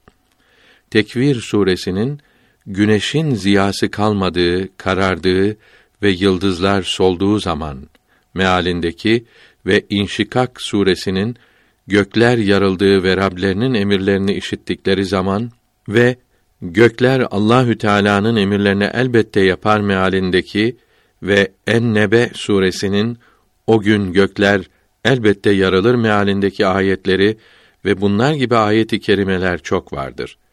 Bu kimseler bilmiyor ki Müslüman olmak için yalnız kelime-i şehadeti söylemek yetişmez. İnanmak lazım olan şeylerin hepsine inanmak, tasdik etmek ve küfürden yani küfre sebep olan sözlerden ve işlerden uzaklaşmak ve kâfirleri sevmemek Müslüman olmak için şarttır. İnsan ancak bu suretle Müslüman olur. Bu şart bulunmadıkça Müslümanlık olmaz. Ahirette dünyadaki işlerden sual ve hesap vardır. Ahirete mahsus olan bir terazi ve sırat köprüsü denilen bir geçit vardır. Bunları muhbir-i sadık aleyhi ve ala aleyhisselatu vesselam haber vermiştir. Peygamberlik ne demek olduğunu bilmeyen bazı cahillerin bunlara inanmaması, bunların yok olmasını göstermez. Var olan şeylere yok demek kıymetsiz, boş söz olur. Peygamberlik makamı aklın üstündedir. Peygamberlerin doğru sözlerini akla uydurmaya çalışmak, peygamberliğe inanmamak, güvenmemek olur. Ahiret işlerinde peygamberlere aleyhimüsselavatü ve teslimat akla danışmadan tabi olmak, uymak lazımdır. Peygamberlik makamı aklın hududunun çerçevesinin dışında, üstündedir. Akıl eremediği şeyleri kendine uymuyor sanır. Akl peygamberlere aleyhimüsselavatü ve teslimat uymadıkça yüksek derecelere çıkamaz, eremez. Uygun olmamak yani muhalif olmak başkadır, erememek, anlayamamak başkadır. Çünkü uymamak ancak anladıktan sonra olabilir. Cennet ve cehennem vardır. Kıyamet günü hesaptan sonra birçokları cennete gönderilecek, birçoğu da cehenneme sokulacaktır. Cennetin sevabı, nimetleri ve cehennemin azabı ebedidir, sonsuzdur. Bunlar Kur'an-ı Kerim'de ve hadis-i şeriflerde açıkça bildirilmektedir. Muhiddin Arabi Kuddisesi Ruh Füsus kitabında sonunda herkes rahmete kavuşacaktır diyor ve rahmetim her şeyi kapladı ayet-i kerimesini bildirip kâfirler cehennemde üç bin sene kalarak sonra cehennem bunlara serin ve rahat olacaktır. Nasıl ki ateş dünyada İbrahim aleyhisselama selamet olmuştu. Allahü Teala azap vaad ettiği sözünden dönebilir diyor. Ehli dilden hiç kimse kâfirlerin cehennemde ebedi kalacağını söylemedi diyerek burada da doğru yoldan ayrılmaktadır. Araf suresinin rahmetim her şeyi içine aldı mealindeki 155. ayeti kerimesinin dünyada rahmetin müminlere ve kâfirlere beraber olduğunu gösterdiğini anlayamadı. Ahirette kâfirlere rahmetin zerresi bile yoktur. Cenab-ı Hak Kur'an-ı Kerim'de bunu bildiriyor ve rahmetim her şeyi kaplamıştır buyurduktan sonra mealen rahmetim benden korkup haramlardan kaçanlar ve zekatlarını verenler ve Kur'an-ı Kerim'ime inananlar içindir buyuruyor. Muhyiddin Arabi Kuddisesi Ruh ayet-i kerimenin başını okuyup sonunu bırakıyor. Yine Araf suresinin 55. ayetinde mealen rahmetim imanı ve ihsanı olanlaradır buyuruldu. İbrahim suresinin Allahü Teala peygamberlerine verdiği sözden döner sanmayınız. Mealindeki 47. ayet-i kerimesi diğerlerine verdiği sözden döner demek değildir. Burada yalnız peygamberlerine verdiği sözden dönmez buyurması belki peygamberlerinin kâfirlerden daha kuvvetli ve onlara galip olması için verdiği sözden demektir ki böylece hem peygamberlerine hem de bunların düşmanı olan kâfirlere söz verilmektedir. O halde bu ayeti kerime hem peygamberlerine hem de düşmanlarına verdiği sözden dönmeyeceğini bildiriyor ki sözünü ispat için yazdığı bu ayeti kerime onun yanıldığını meydana çıkarıyor. Şunu da söyleyelim ki düşmanlarına verdiği sözden dönmesi, dostlarına verdiği sözden dönmek gibi yalancılık olur ki Allahü Teala'ya bunu söylemek çok yersizdir. Çünkü kâfirlere azap etmeyeceğini biliyorken bir faide için bilgisinin aksini olarak sonsuz azap edeceğim diyor demek çok çirkin bir sözdür. Ehli dilin kâfirlerin cehennemde kalmayacaklarını söylemeleri de Muhyiddin Arabi'nin Kaddesallahu Teala sırrehül aziz keşf ile yani kalbiyle anlayarak söylediği sözlerdendir. Kalbe doğan şeylerde çok hata olur. Din büyüklerinin peygamberimizden sallallahu aleyhi ve sellem ve eshab-ı kiramdan rıdvanullahi aleyhim ecmaîn alarak yazdıklarına muhalif olan böyle keşflerin kıymeti ve ehemmiyeti yoktur. İbn Teymiye de kâfirlerin cehennemde sonsuz kalacaklarını inkar etmektedir. İmanın ikinci şartı meleklere inanmaktır. Melekler Allahü Teala'nın kullarıdır. Günah işlemez ve yanılmaz ve unutmazlar. Tahrim suresi 6. ayeti kerimesinde mealen melekler emrolundukları şeyde Allahü Teala'ya karşı gelmezler ve emrolundukları şeyi yaparlar buyuruldu. Yemezler ve içmezler. Yani yemeye ve içmeye ihtiyaçları yoktur. Erkek ve dişi değildirler. Kur'an-ı Kerim'de meleklerin erkeklere mahsus kelime ve harflerle bildirilmesi erkeklerin kadınlardan daha şerefli ve daha üstün oldukları içindir. Nitekim Allahü Teala kendini de bunun için böyle kelime ve harflerle bildirmektedir. Allahü Teala insanlardan bazısını peygamber olarak seçtiği gibi meleklerden de bazılarını peygamber olarak ayırmıştır. Ehl-i sünnet alimlerinin çoğu buyurdu ki insanların büyükleri meleklerin büyüklerinden daha üstündür. İmamı Gazali, İmamı Malik ve Şeyh Muhyiddin Arabi meleklerin büyükleri daha üstündür dedi. Bu fakirin anladığına göre meleklerin evliyalık tarafı peygamberlerin evliyalığından üstündür. Fakat nebilerin ve resullerin yetiştiği bir derece vardır ki melek oraya yetişemez. Bu şerefli derece peygamberlere aleyhisselatü ve teslimat toprak maddelerinden gelmiştir. Bu da insana mahsustur. Yine bu fakire gösterildi ki peygamberliğin yüksekliği yanında evliyalığın yüksekliği hiç kalmakta, büyük deniz yanında bir damla kadar da görünmemektedir. O halde peygamberlik yolundan gelen üstünlük evliyalık yolundan kavuşulan yükseklikten kat kat daha üstündür.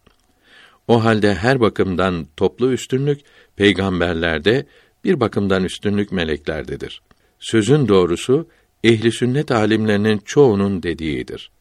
Allahü Teala onların çalışmalarının mükafatını bol bol ihsan eylesin. Demek oluyor ki evliyadan hiçbiri hiçbir peygamberin derecesine çıkamaz. Velinin başı daima bir peygamberin ayağı altındadır.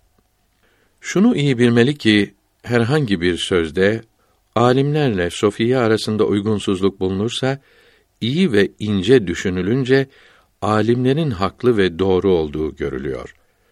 Bunun sebebi alimler peygamberlere aleyhisselatü ve teslimat tabi oldukları için onların peygamberlik derecelerine ve o derecelerin ilimlerine bakıyor. Bilgilerini oradan alıyorlar. Sofiler ise peygamberlerin evliyalık derecelerine ve buradaki marifetlere bakıyorlar. Peygamberlik derecesinden alınan ilmler evliyalık derecelerinden alınan ilmlerden elbette daha doğrudur.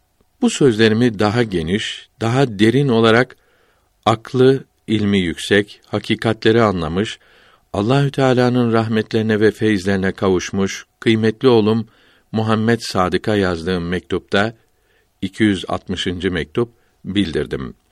Arzu eden oradan okusun. Mürşidi kamiller içtihat derecesinde yüksek alim oldukları için hem ilm hem de marifet sahibidirler. Yani zül cenahayn'dırlar. Akl ile anlaşılan bilgilere ilim denir. Kalb ile anlaşılan bilgilere marifet ve irfan denir. İman Ehli sünnet alimlerinin rahmetullahi teala aleyhi ecmaîn kitaplarında dinden olduğu yani inanılması lazım olduğu bildirilen şeyleri kalbin tasdik etmesi, kabul etmesi, inanması demektir. Kalbin inandığını dil ile söylemek de lazımdır demişlerdir. Fakat söylemek imanın kendisi olmayıp kalpteki imanın bildirilmesidir. İmanı özürsüz söylemeyen kafir olur. İkrah yani tehdit ile yani ölüm veya bir uzvun kesilmesiyle veya şiddetli can yakılmakla zorlanınca imanını saklamak affolur ve söylemeyen veya aksini söyleyen kafir olmaz dediler. Bu eki Milal Nihal kitabından aldık. Kalpte iman bulunduğuna alamet küfürden teberri etmek, kaçınmaktır ve kâfirlikten, kâfirlere mahsus olan şeylerden mesela beline zünnar bağlamak ve bunun gibi kâfirlik alameti olan şeyleri kullanmaktan sakınmaktır. Küfürden teberri demek Allahü Teala'nın düşmanlarını sevmemektir. Kâfirler kuvvetli, hakim olup da zararlarından korkulduğu zaman kalbiyle sevmemek, korku olmadığı zaman hem kalp hem de her vasıtayla karşı koymak lazımdır.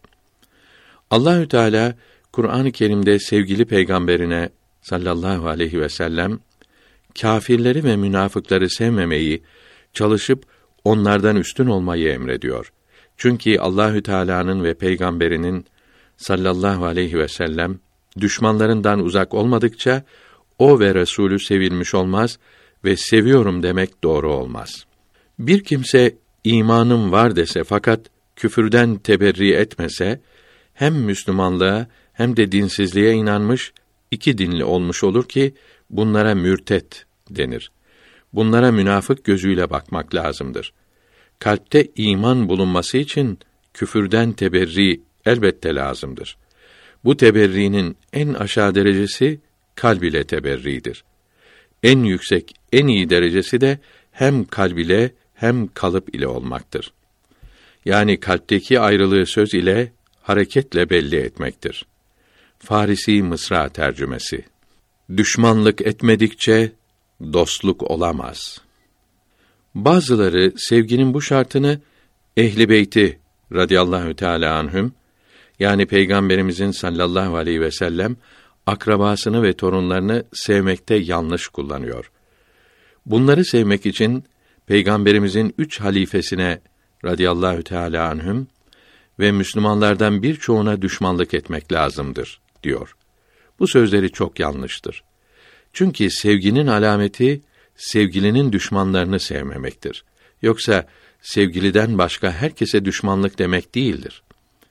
Aklı olanı herkes bilir ki Peygamberimizin sallallahu aleyhi ve sellem ashabı ehli beyte düşman değildi. Hele eshab-ı kiramın en büyükleri olan bu üç halife peygamberimizin sallallahu aleyhi ve sellem uğruna mallarını, canlarını feda etti. Mevkilerini, şöhret ve itibarlarını onun için terk etti. Müslümanların ehli beyti sevmesi Kur'an-ı Kerim'de açıkça emrolunuyor.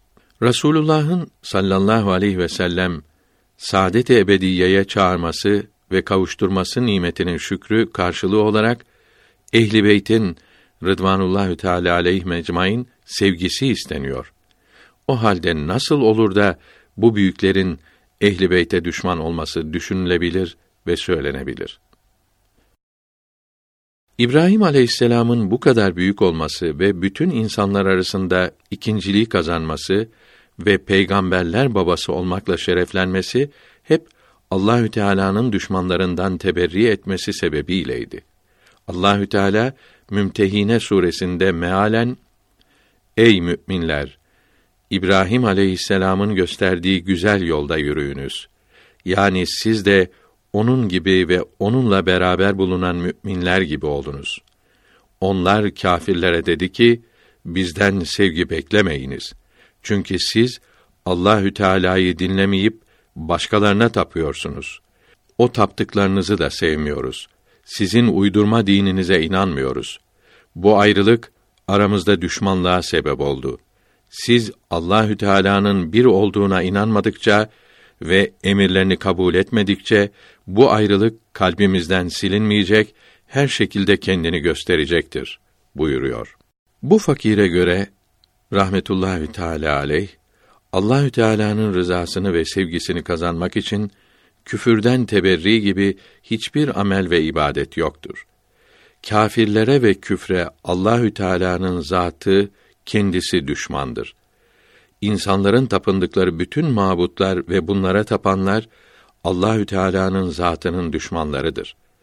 Cehennemde sonsuz yanmak bu alçak işin cezasıdır. Nefislerin arzusu ve her türlü günahlarsa böyle değildir. Bunlara Allahü Teala'nın düşmanlığı kendinden değil sıfatlarındandır. Allahü Teala'nın günahkarlara gazap etmesi, kızması kendi gazabıyla değil, gadap sıfatıyladır. Bunlara azap etmesi, horlaması hep sıfatları ve fiilleriyle,dir. Günahkarlar bunun için cehennemde sonsuz kalmayacak, belki bunlardan çoğunu isterse cehenneme sokmadan affedecektir. Allahü Teala'nın küfre ve kâfirlere düşmanlığı zatından olduğu için rahmet ve re'fet sıfatları ahirette kâfirlere yetişemeyecek ve rahmet sıfatı zatın düşmanlığını ortadan kaldıramayacaktır. Zatın düşmanlığı sıfatın acımasından daha kuvvetlidir. Sıfatla yapılan şey zatın yaptığını değiştiremez. Hadisi kutsi de buyuruyor ki rahmetim gadabımı aşmıştır. Bunun manası rahmet sıfatım gadap sıfatımı aşmıştır. Yani müminlerin günahkarlarına karşı olan gadap sıfatımı aşmıştır demektir. Yoksa rahmet sıfatı kâfirlere, müşriklere karşı olan zatın gadabını aşar demek değildir. Sual: Allahü Teala dünyada kâfirlere merhamet ediyor. Nitekim yukarıda söylendi.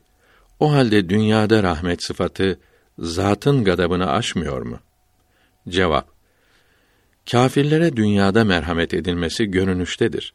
Yani merhamet şeklinde görünen istidraçtır, hiledir. Nitekim Mü'minun suresinde mealen kâfirlere çok mal ve evlat vererek onlara yardım mı, iyilik mi ediyoruz? Küfürlerine karşılık olarak onlara bol bol iyilikleri çabuk çabuk gönderiyor muyuz zannediyorlar?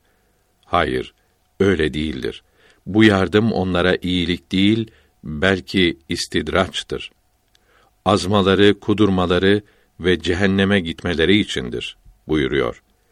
Araf ve Nun suresinde onları yavaş yavaş azaba yaklaştırıyorum. Haberleri olmuyor. Onlar azdıkça dünya nimetlerini arttırarak fırsat veriyorum. Aldanıyorlar. Onlara hazırladığım azap çok şiddetlidir. Mealindeki ayet-i kerimesi de böyle olduğunu açıkça göstermektedir. Faide Cehennemde sonsuz olarak yanmak küfrün karşılığıdır. Burada denilir ki bir kimse imanı varken kâfirlerin rüsum ve adetlerini yapar, onların ibadetlerine, adetlerine, bayramlarına kıymet verirse alimlerimiz bu kimsenin imanının gideceğini, mürtet olacağını bildiriyor. Çünkü bu haller küfürden teberri etmemektir.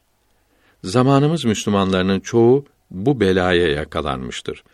Alimlerimizin bu sözüne göre zamanımızda Hindistan'daki Müslüman denilen insanların çoğu cehennemde ebedi azap çekeceklerdir. Halbuki Peygamberimiz sallallahu aleyhi ve sellem buyurdu ki kalbinde zerre kadar imanı olan cehennemde sonsuz olarak kalmayacak, çıkarılacaktır. Sen buna ne dersin? Cevap: Şöyle deriz ki bir kimse dinde inanılması lazım olan şeylerden bir tanesine bile inanmamış veya şüphe etmişse veya beğenmemişse imanı gider, kafir olur. Cehennemde ebedi yanacaktır. Bir kimse kelime-i tevhid söyleyip bunun manasını kabul eder. Muhammed aleyhisselam Allahü Teala'nın peygamberidir. Her sözü doğrudur, güzeldir deyip ona uygun olmayanlar yanlıştır, fenadır diye inanırsa ve son nefesinde de öyle ölüp ahirete bu iman ile giderse bu kimse kâfirlere mahsus olan adetlere ve bayramlara katılır. kâfirlerin mukaddes bildikleri günlerinde ve gecelerinde onların yaptıklarını yaparsa cehenneme girer.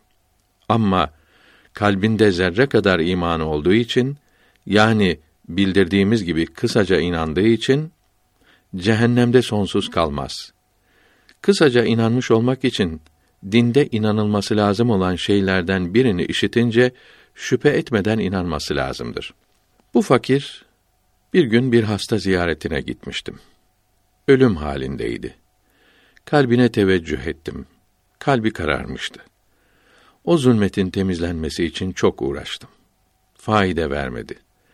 Uzun zaman yokladıktan sonra o siyahlıkların kâfirlik bulaşıklıkları ve sıfatları olduğu ve kâfirlerle ve küfrili olan bağlılığından, beraberliğinden olduğu anlaşıldı. O kadar uğraştığım halde o zulmetler temizlenemedi. Bunların ancak küfrün cezası olan cehennem ateşiyle temizleneceği anlaşıldı.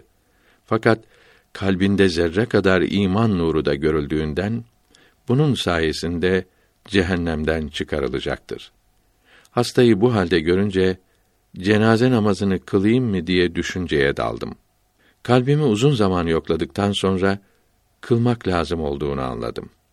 Demek ki kalbinde iman varken zaruret olmadığı halde bile kâfirlerle düşüp kalkan, onların bayramlarına, paskalyalarına uyanların cenaze namazlarını kılmalıdır. Bunları kâfir bilmemelidir. Nitekim bu gibilere bugün Hindistan'da böyle yapılmaktadır. Bunların imanları sayesinde cehennemden çıkacaklarına inanmalıdır.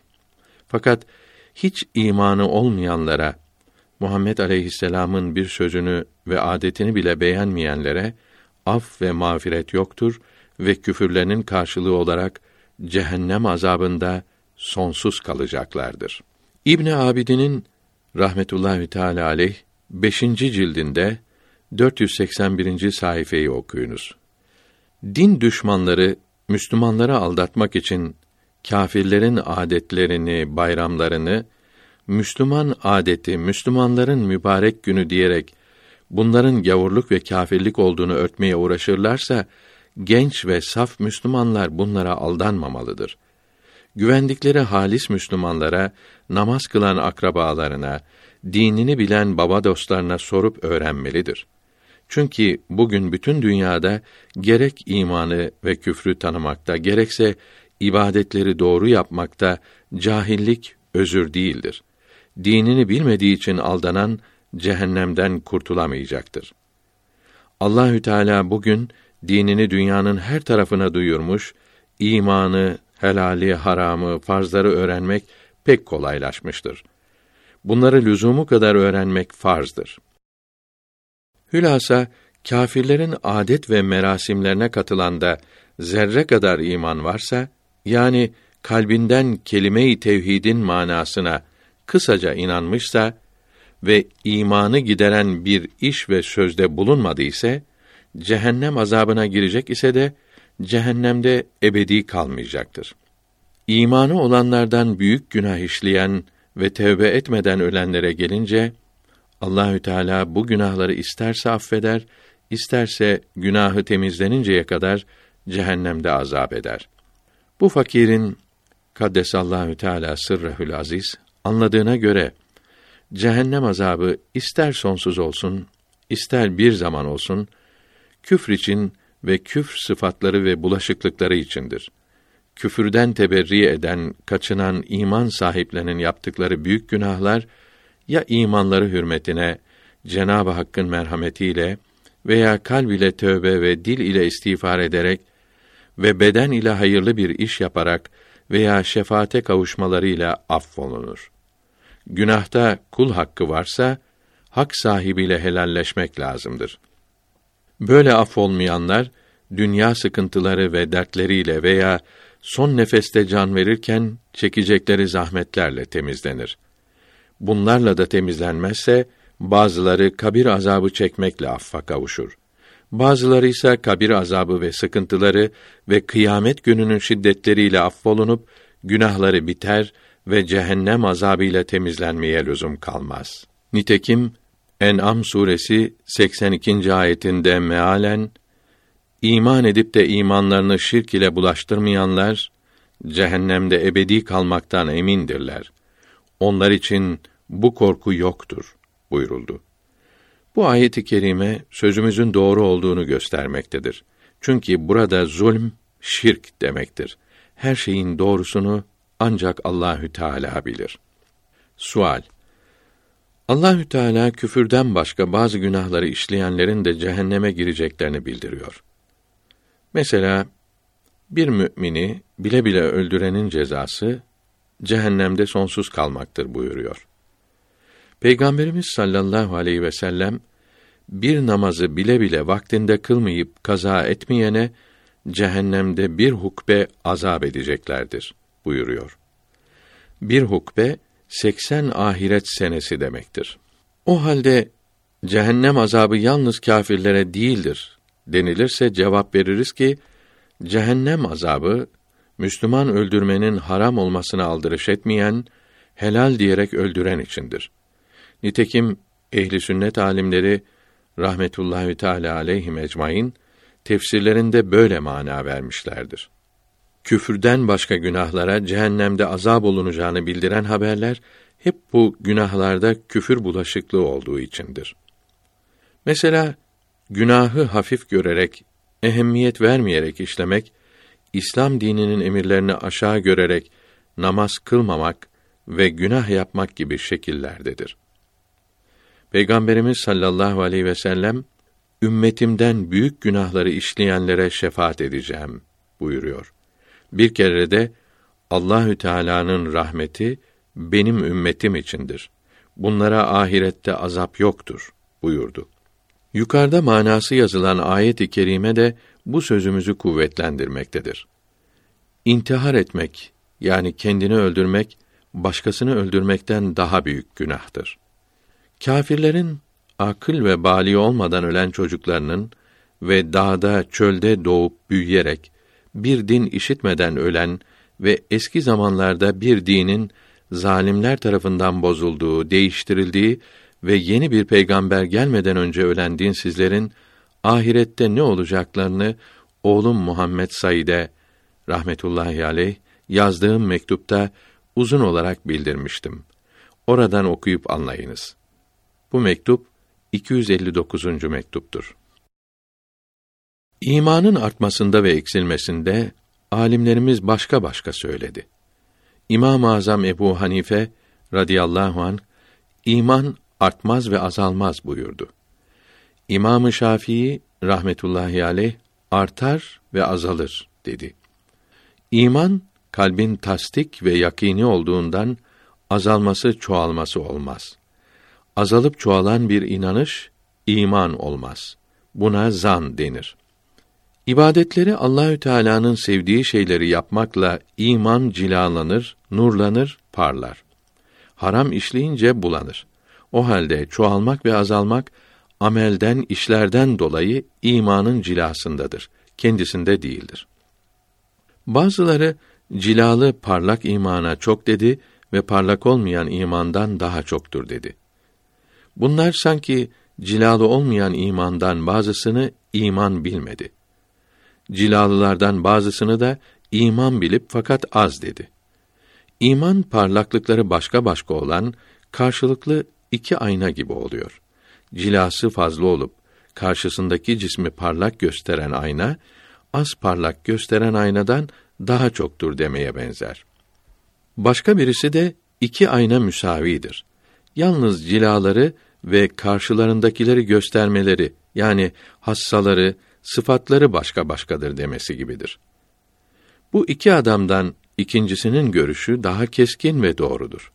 Birincisi görünüşe bakmış, öze, içe girmemiştir. Anlatması bu fakire rahmetullahi teala aleyh nasip olan bu misal imanın azalıp çoğalmadığına inanmayanların sözlerini ortadan kaldırmış oldu ve her müminin imanı her bakımdan peygamberlerin aleyhimüsselavatü ve teslimat imanlarına benzemedi. Çünkü onların imanı çok nurlu ve çok parlak olduğundan ümmetlerinin karanlık ve bulanık imanlarından kat kat daha çok meyveler ve kazançlar hasıl edecektir. Bir hadisi i şerifte Ebu Bekr Sıddık'ın radıyallahu anh imanı bu ümmetin hepsinin imanlarının toplamından daha ağırdır buyuruldu. Bu da imanın nuru parlaklığı bakımındandır. Fazlalık asılda özde değil sıfatlardadır. Nitekim peygamberler de herkes gibi insandır. İnsanlık bakımından arada fark yoktur. Fark kamil üstün sıfatlardan ileri gelmektedir. Üstün sıfatları olmayan sanki olanlardan ayrıdır. Bununla beraber insan olmakta hepsi birdir. Aralarında azlık çokluk yoktur. İnsanlık azalır çoğalır denilemez. Bazıları imanı anlatırken dil ile tasdik, dil ile söylemektir demişlerdir ki bu vakt inanmak da zannetmek de iman oluyor ve iman azalıp çoğalabiliyor. Fakat imanın doğrusu kalbin tasdik, izan etmesi yani inanmasıdır. Zan ve şüpheye iman denmez. İmam-ı Azam Ebu Hanife rahmetullahi aleyh ben hak olarak yani elbette müminim demelidir diyor. İmam-ı Şafii rahmetullahi aleyh ise inşallah müminim demelidir diyor. Bu ikisi arasındaki fark yalnız sözdedir. Çünkü şimdiki iman söylenirken elbette müminim demelidir. Son nefesindeki iman söylenirken inşallah o zaman da müminim demelidir. Fakat inşallah diyerek şarta bağlamaktansa her zaman elbette demek daha ihtiyatlı ve daha uygundur. Evliyanın kaddesallahu teala esrarühüm kerametine inanmak lazımdır. Allahü Teala bu dünyada her işi adeti ilahiyesi, kanuni ilahisiyle yaratmaktadır. Yani fen derslerinde öğrenilen kanun, nizam ve düzgünlükle yaratmaktadır, yapmaktadır. Evliyasının yani çok sevdiği kullarının elinden adeti ilahiyesi dışında bazı şeyler yaratır, yapar ki buna keramet denir. Keramete inanmayan dünyanın her tarafında her zaman sık sık görülmüş ve ağızdan ağza yayılmış olan vakalara inanmamış olur. Allahü Teala'nın peygamberlerin aleyhisselatü ve teslimat elinde ve onların sözleriyle adeti ilahiyesini bozarak kimsenin yapamayacağı şeyler yaratmasına mucize denir ki mucize gösteren bir kimse peygamber olduğunu ilan eder. Keramet gösteren kimse ise peygamber olmadığını ve bir peygamberin aleyhisselam yolunda bulunduğunu söyler. Mucize peygamberlere mahsustur. Aleyhisselam. Bu kelimeyi onlardan başkası için söylemek caiz değildir. Hulefâ-i yani peygamberimizden sallallahu aleyhi ve sellem sonra gelen dört halifesinin Rıdvanullahi aleyhim ecmaîn birbirinden üstünlükleri hilafetleri sırası iledir. Ebu Bekr ile Ömer'in radıyallahu anhuma müminlerin hepsinden üstün olduğunu sahabilerin hepsi ve tabiinin hepsi söylemiştir. Bu sözleri din imamlarımızdan çoğu kitaplarında yazmıştır. Bunlardan biri İmam-ı Şafii rahmetullahi aleyh'tir. Ehli sünnet itikadını toplamış ve yazmış olan büyük alim Ebul Hasan Eş'ari diyor ki: Önce Ebu Bekir'in sonra Ömer'in bütün müminlerden üstün olduğu meydandadır, muhakkaktır. Büyük alimlerden İmam-ı Zehebi diyor ki, Ali radıyallahu an halifeyken büyük bir kalabalık içerisinde Ebu Bekr ve Ömer radıyallahu anhuma bu ümmetin en üstünüdür buyurduğunu işitenlerden seksenden ziyade kimse bize söyledi. Bunlardan çoğunun ismini bildiriyor ve buna inanmayanlar çok çirkin, çok kötü kimselerdir. Allahü Teala onları kıyamette fena halde karşılayacaktır diyor. Dini İslam'da Kur'an-ı Kerim'den sonra en kıymetli ve en inanılır kitap olan Buhari Şerif kitabının sahibi İmamı Buhari diyor ki Ali radıyallahu anh buyurdu ki Peygamberimizden sallallahu aleyhi ve sellem sonra bu ümmetin en iyisi, en yükseği Ebu Bekr, sonra Ömer'dir radıyallahu anhuma. Sonra bir başkasıdır. Bu sırada oğlu Muhammed İbni Hanefiye o da sensin deyince ben de her Müslüman gibi bu ümmetten biriyim buyurmuştur. İmam-ı Zehebi ve başka alimler dedi ki İmam Ali radıyallahu anh buyurdu ki dikkat ediniz, iyi dinleyiniz. Bazı kimselerin beni Ebu Bekr ile Ömer'den radıyallahu anhuma üstün tuttuklarını işittim. Bunlardan biri elime geçerse iftira edenlerin cezasını ona yaparım. Çünkü o iftiracıdır.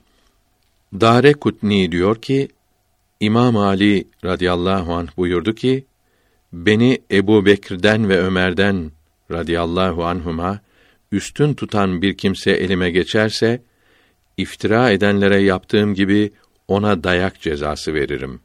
Bunlar gibi daha nice haberler sahabe-i kiramın radıyallahu anhüm çoğundan o kadar gelmiştir ki kimsenin inkar etmesine yol ve imkan kalmamıştır. Hatta Şiilerin büyük alimlerinden olan Abdurrazzak diyor ki Ali Ebu Bekri ve Ömer'i radıyallahu anhüm kendinden üstün tuttuğu için ben de onları üstün tutuyorum. Çünkü onları üstün tutmaz isem İmam Ali radıyallahu an çok sevdiğim halde ona uymamış olurum. Bu da benim için büyük bir günah olur. Murteza adındaki bir Yahudi Hüsniye ismindeki kitabında uydurma hikayeler yazıyor ve üç halifeye kâfir diyor. Eshab-ı kiram ve hak sözün vesikaları kitaplarında onlara güzel cevap verilmiştir. Hazret Ali'nin yolunda olan hakiki Alevilerden böyle çirkin, alçak sözler hiç işitilmemiştir. Ebu Bekr ile Ömer radıyallahu anhuma için yazdıklarımızı büyük alim İbn Hacer Heytemi'nin rahmetullahi aleyh Savaikül Muhrika kitabından aldık. Bu kitap 1404 miladi 1984 ve 1419 miladi 1998 senelerinde İstanbul'da da bastırılmıştır. İmam-ı Osman'ın İmam Ali'den radıyallahu anhuma yüksek olduğuna gelince ehli sünnet alimlerinin çoğu dedi ki Şeyhayn'dan sonra yani Ebu Bekir'den ve Ömer'den sonra Müslümanların yükseği Osman'dır.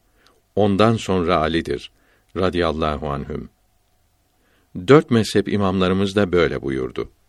İmam Malik Osman'ın radıyallahu anh üstünlüğünden şüphe etti deniliyorsa da Şifa kitabının sahibi Kadi İyad sonradan Osman'ın radıyallahu anh üstün olduğunu söyledi diyor.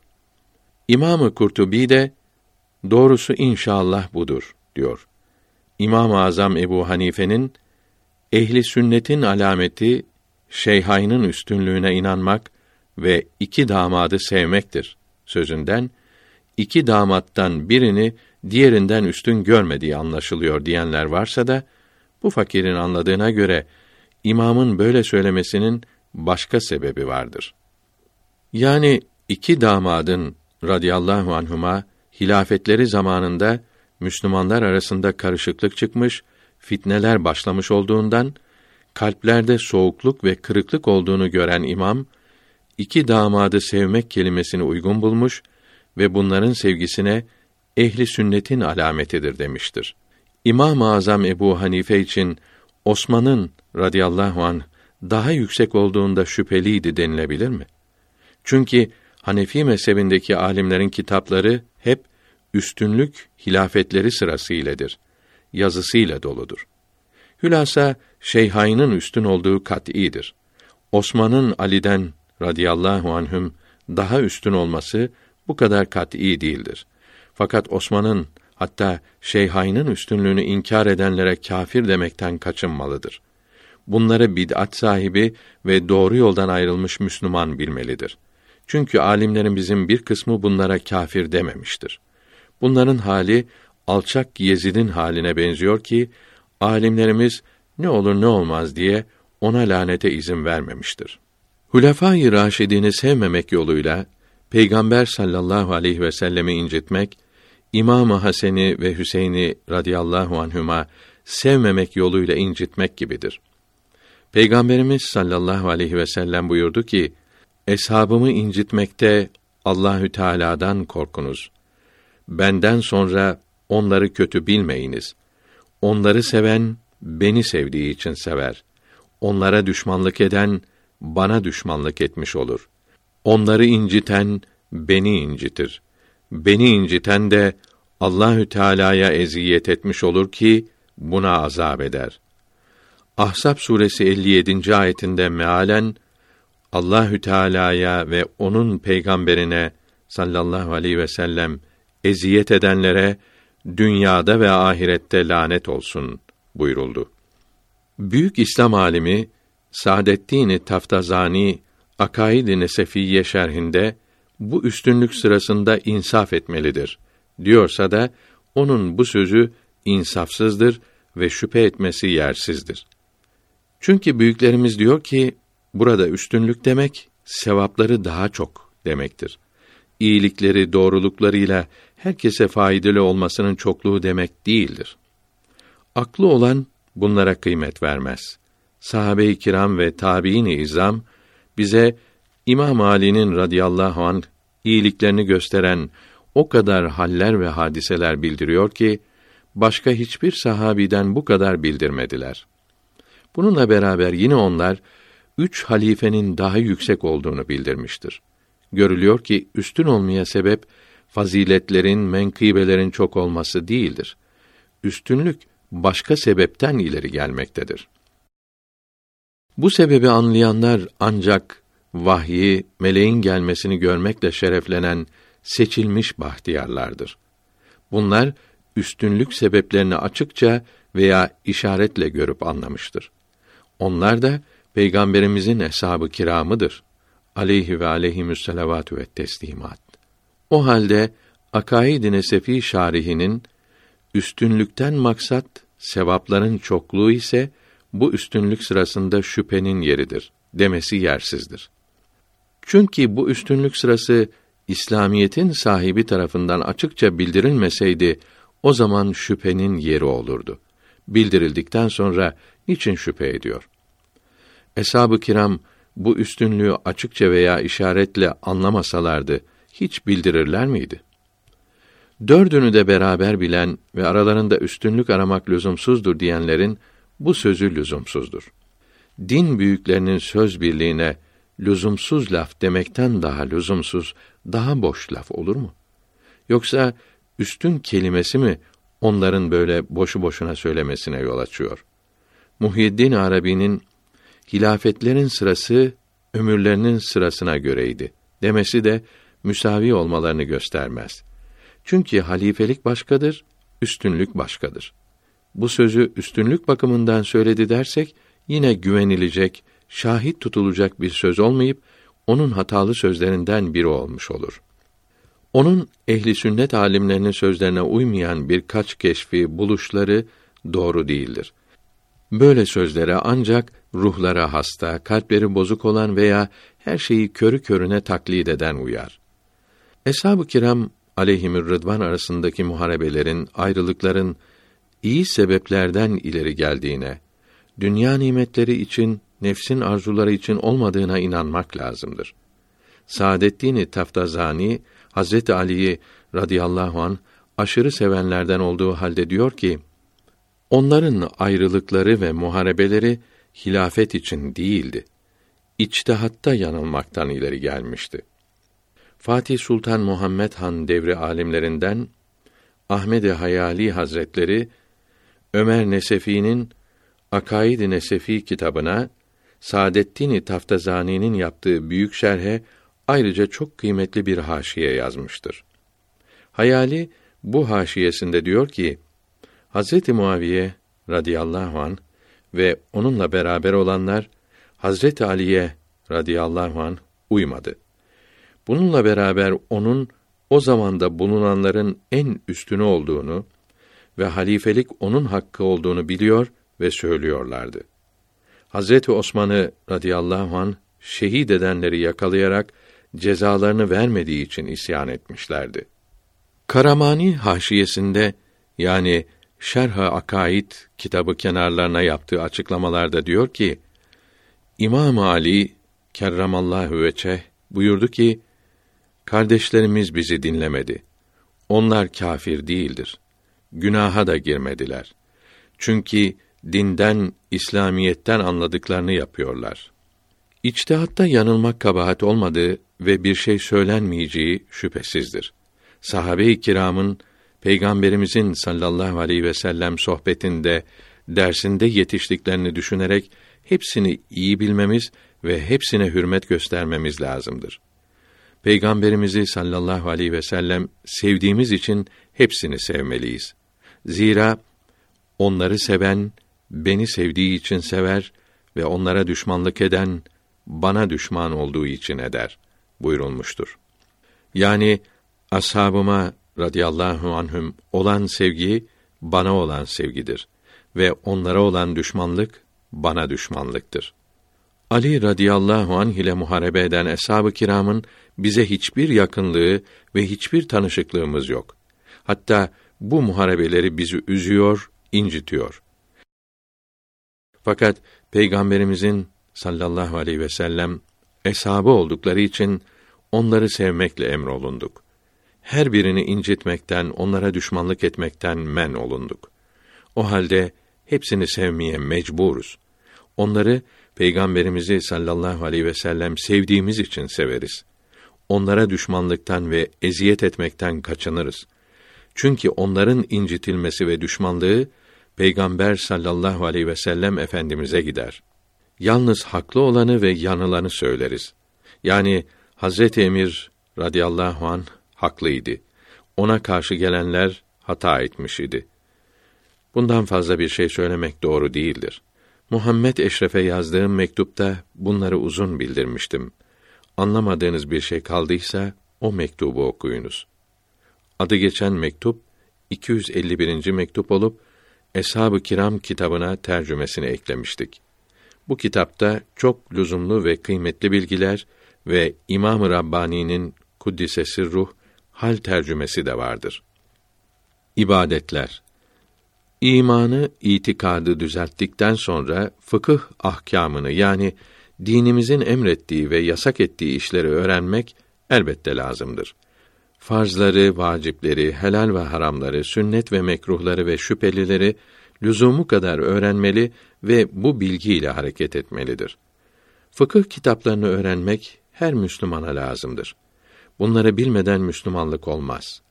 Allahü Teala'nın emirlerini yapmaya, onun beğendiği gibi yaşamaya çalışmalıdır. Onun en çok beğendiği ve emrettiği şey her gün beş vakit namaz kılmaktır. Namaz dinin direğidir. Namazın ehemmiyetinden ve nasıl kılınacağından birkaç şey bildireceğim. Can kulağıyla dinleyiniz. Önce sünnete yani fıkıh kitaplarında yazılana tam uygun olarak abdest almalıdır. Abdest alırken yıkanması lazım olan yerleri üç defa ve her defasında her taraflarını tamam yıkamaya çok dikkat etmelidir. Böylece sünnete uygun abdest alınmış olur. Başa mesederken başın her tarafını kaplayarak sığamalıdır. Kulakları ve enseyi iyi meshetmelidir. Ayak parmaklarını hilallerken yani parmak aralarını temizlerken sol elin küçük parmağını ayak parmaklarının alt tarafından aralarına sokulması bildirilmiştir. Buna ehemmiyet vermeli, müstehap deyip geçmemelidir. Müstehapları hafif görmemelidir. Bunlar Allahü Teala'nın sevdiği şeylerdir ve beğendikleridir. Eğer bütün dünyayı vermekle beğendiği bir işin yapılabileceği bilinmiş olsa ve dünyayı verip o iş yapılabilse çok kâr edilmiş olur ve birkaç saksı parçası verip kıymetli bir elması ele geçirmek gibi olur. Yahut birkaç çakıl parçasını verip ölmüş bir sevgilinin ruhunu geriye getirerek hayat kazandırmak gibidir. Namaz müminlerin miracıdır. Yani Miraç gecesinde peygamberimize sallallahu aleyhi ve sellem ihsan olunan nimetler bu dünyada onun ümmetine yalnız namazda tattırılmaktadır. Erkekler farz namazları cemaatle kılmaya çok dikkat etmeli, hatta birinci tekbiri imamla beraber almayı kaçırmamalıdır. Kadınların gerek cemaatle namaz kılmak için, gerekse hafız dinlemek veya mevlid dinlemek için camilerde erkekler arasına karışmaları ve hele sevap kazanmak için cuma namazlarına gelmeleri günahtır. Namazları vaktinde kılmak ve vaktinde kıldığını bilmek şarttır. Yalnızken her namazı evvel vaktinde kılmalı, ikindiyi ve yatsıyı İmam-ı Azam'ın kavline göre kılmalıdır. Namaz ne kadar geç kılınırsa sevabı o kadar azalır. Müstehap olan vakitler cemaatle kılmak için mescide gitmek içindir. Namazı kılmadan vakti çıkarsa adam öldürmüş gibi büyük günah olur. Kaza etmekle bu günah affolmaz. Yalnız borç ödenir. Bu günahı affettirmek için tevbe-i nasuh yapmak veya haccı mebrur yapmak lazımdır. İbn Abidin Namazda Kur'an-ı Kerim'i sünnet olan miktarda okumalıdır. Rükûde ve secdelerde hareketsiz durmak herhalde lazımdır. Çünkü farz veya vaciptir. Rükûdan kalkınca öyle dik durmalıdır ki kemikler yerlerine yerleşsin. Bundan sonra bir miktar bu şekilde durmak farzdır veya vacip veya sünnet demişlerdir. İki secde arasında oturmak da böyledir. Bunlara her halde çok dikkat etmelidir. Rükûde ve secdelerde tesbih en az üç keredir. Çoğu yedi veya on birdir. İmam içinse cemaatin haline göredir. Kuvvetli bir insanın sıkıntısı olmadığı zamanlarda yalnız kılarken tesbihleri en az miktarda söylemesi ne kadar utanacak bir haldir. Hiç olmazsa beş kere söylemelidir. Secdeye yatarken yere daha yakın azayı yere daha evvel koymalıdır. O halde önce dizler, sonra eller, daha sonra burun, en sonra da alın konur. Dizlerden ve ellerden evvela sağlar yere konur. Secdeden kalkarken yukarıda olan aza evvel kaldırılır. O halde evvela alın kaldırılmalıdır. Ayaktayken secde yerine rükûdeyken ayaklara, secdede burun ucuna ve otururken iki ellere veya kucağına bakılır. Bu söylediğimiz yerlere bakıp da gözler etrafa kaymazsa namaz cemiyetle kılınabilir. Yani kalpte dünya düşüncelerinden kurtulabilir. Huşu hasıl olur. Nitekim Peygamberimiz sallallahu aleyhi ve sellem böyle buyurmuştur. El parmaklarını rükûda açmak ve secdede birbirlerine yapıştırmak sünnettir. Bunlara da dikkat etmelidir. Parmakları açık yahut bitişik bulundurmak sebepsiz boş şeyler değildir. İslamiyetin sahibi yani Peygamberimiz sallallahu aleyhi ve sellem faydelerini düşünerek böyle yapmıştır. Bizler için İslamiyetin sahibine uymak kadar büyük bir faide yoktur. Aleyhisselavatü vesselam. Bu söylediklerimiz fıkıh kitaplarında bildirilen şeyleri yapmaya teşviktir, heveslendirmektir. Allahü Teala bize ve size İslamiyetin gösterdiği salih işleri yapmak nasip etsin. Peygamberlerin seyyidi, efendisi, en iyisi, en üstünü hürmeti için aleyhi ve aleyhim ve ala ali küllin mines salavati eftaluha ve minet teslimati ekmeluha bu duamızı kabul buyursun. Amin. İmanı tasih ettikten sonra eğer namazın faydasını ve ona mahsus üstünlükleri anlamak isterseniz üç mektubu okuyunuz. Bunlardan birini oğlum Muhammed Sadık'a, ikincisini Mir Muhammed Numan'a, üçüncüsünü Taceddin Hazretlerine yazmıştım. Bunlar mektubatın birinci cildinde mektubat tercümesinde 260, 261 ve 263. mektuplardır.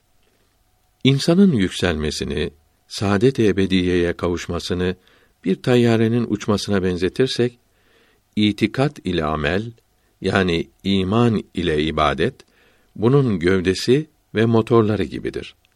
Tasavvuf yolunda ilerlemek de bunun enerji maddesi yani benzini demektir. Maksada ulaşmak için tayyare elde edilir. Yani iman ve ibadet kazanılır. Harekete geçmek için kuvvet maddesi yani tasavvuf yolunda ilerlemek lazımdır. Tasavvuf ehli sünnet itikadından ve İslamiyetin emirlerinden başka şeylere kavuşmak için değildir.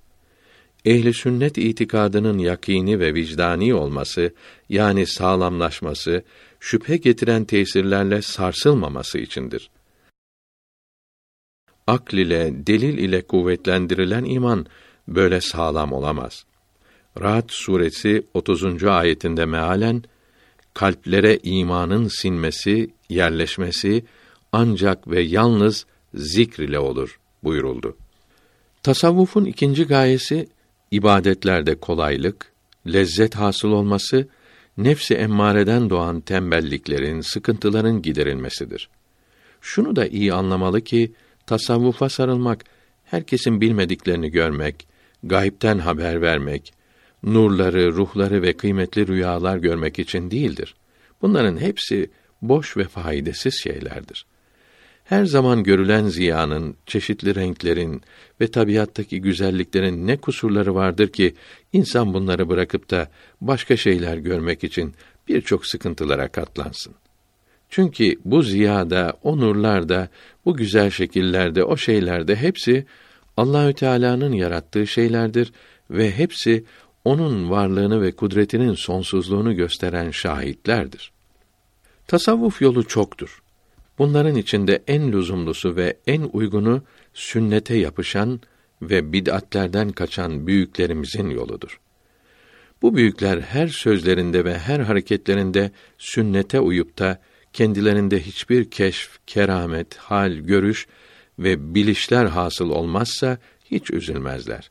Fakat bunların hepsi hasıl olup da sünnete uymakta gevşek davranırlarsa bunları hiç beğenmezler. İşte bunun içindir ki bunların yolunda sima ve raks yani musiki ve dans gibi şeyler yasaktır. Böyle şeylerden hasıl olacak lezzet ve hallere kıymet vermemişlerdir. Hatta yüksek sesle zikretmeye bid'at demişler. Bundan hasıl olan şeylere dönüp bakmamışlardır. Bir gün büyük üstadımın huzurunda sofrada hizmet ediyordum. Kendilerini sevenlerden Şeyh Kemal yemeye başlarken huzurlarında yüksek sesle besmele çekti. Bu hal kendilerine çok tatsız gelip şiddetle men ettiler ve bir daha bizimle beraber yemekte bulunmamasını ona söyleyiniz dediler.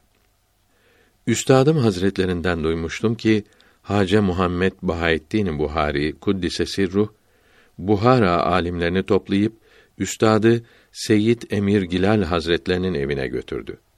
Yüksek sesle zikretmek bid'attir. Bundan vazgeçiniz dediler.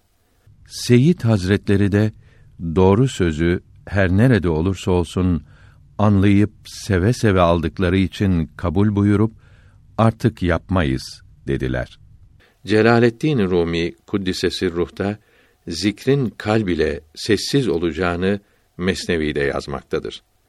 Bu yolun büyükleri zikrin bile yüksek sesle yapılmasını bu derece men edince sima ve raks, coşmak, zıplamak, nara atmak gibi şeylere bağırmaya ne demezler. Bu fakire göre İslamiyetin izin vermediği şeylerin hasıl edeceği bütün haller, zevkler hep istidraçtır. Zira kâfirlerde ve fasıklarda da böyle haller hasıl olmakta ve bu kainat aynasında onlar da tevhid, keşf gibi şeyler öğrenmekte, içlerine doğmaktadır. Eski Yunan filozoflarından ve Hindistan'daki Cukiye, Brehmen dinindeki derviş ve Berehmen papaslarında da bu haller görülmektedir. Hallerin doğru olmasına alamet İslamiyete uygun olmaları ve haram şeylerden hasıl olmamalarıdır. Sima, musiki ve raks, dans, leh ve lab'dır. Yani oyundur. Lokman suresi 6. ayetinde lehvel hadis teganni ile okumayı yasak etmek için indi. Abdullah İbni Abbas'ın radıyallahu anhuma talebesinden olan İmam-ı Mücahit tabiinin büyüklerindendir. Bu ayet-i kerimenin teganniyi yasak ettiğini bildirdi.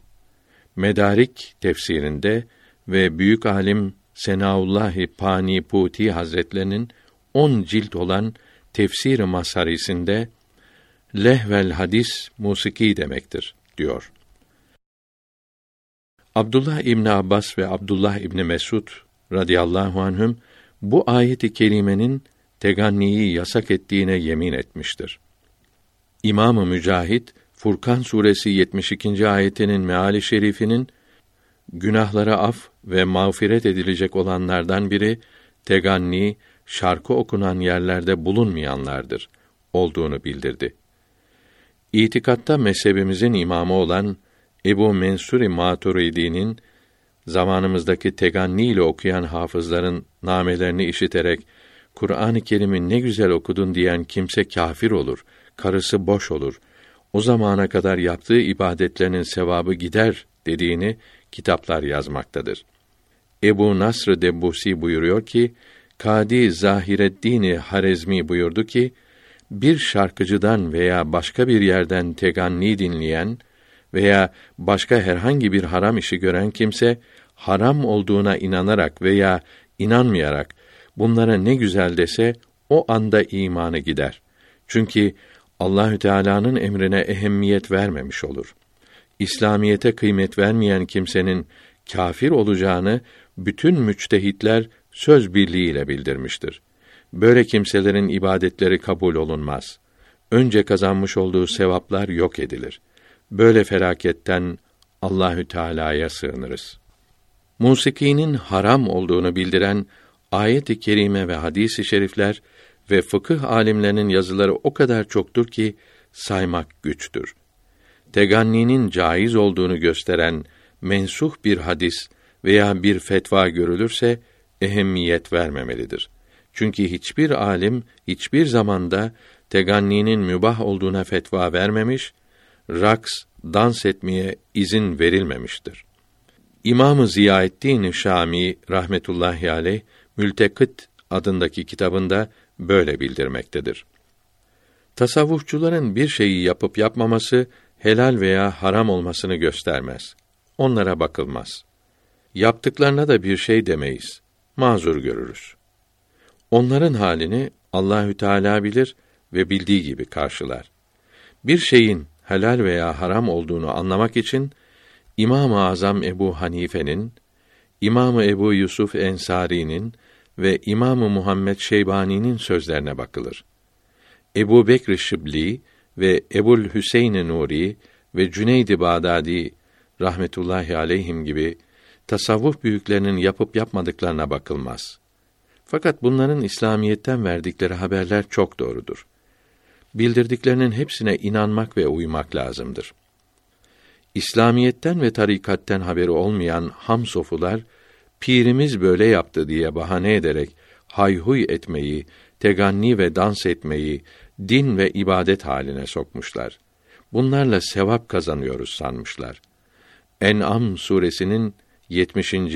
ve Araf suresinin 50. ayetinde mealen Ey sevgili peygamberim sallallahu aleyhi ve sellem dinlerini, ibadetlerini şarkı ile, musiki ile oyun ve eğlence haline sokanlardan uzak ol. Onlar cehenneme gideceklerdir buyurulmuştur. Yukarıda bildirilenlerden anlaşılıyor ki haram olduğu kat'î olan işleri beğenen kafir olur. Müslüman değildir. Mürtet olmuştur. Halbuki haramları tatlı gelse dahi çirkin bilerek, üzülerek yapanlar kafir olmaz.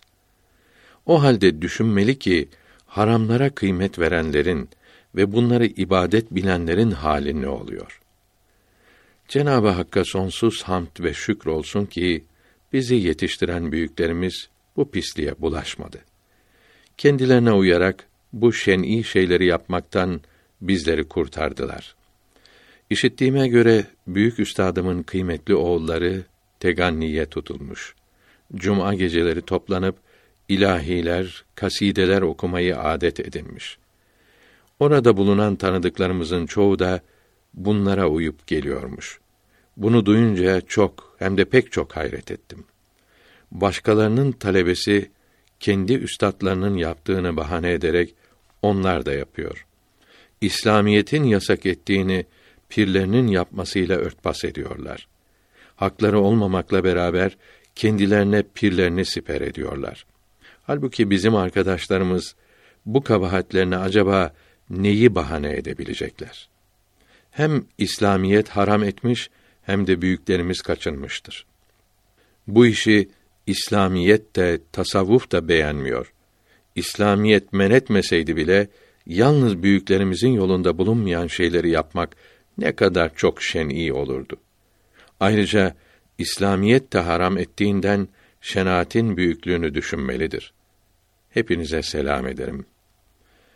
İmam Rabbani Kuddise Sirruh Hazretleri 3. cildin 72. mektubunda Hace Hüsamettin Ahmed'e buyuruyor ki: Kur'an-ı Kerim'i, kasideleri ve mevlidi güzel sesli okumak caizdir. Haram olan name yapmak yani sesi musiki perdelerine uydurmaktır ki harfler değişmekte, mana bozulmaktadır. Bunları name yapmadan ve Allah rızası için okumak şartıyla güzel sesle okumak caizdir. Fakat dinlerini kayırmayanlar bu şartları gözetmeyeceklerinden buna da müsaade etmemek bu fakire daha uygun geliyor. Kadın erkek bir arada olmamak da lazımdır.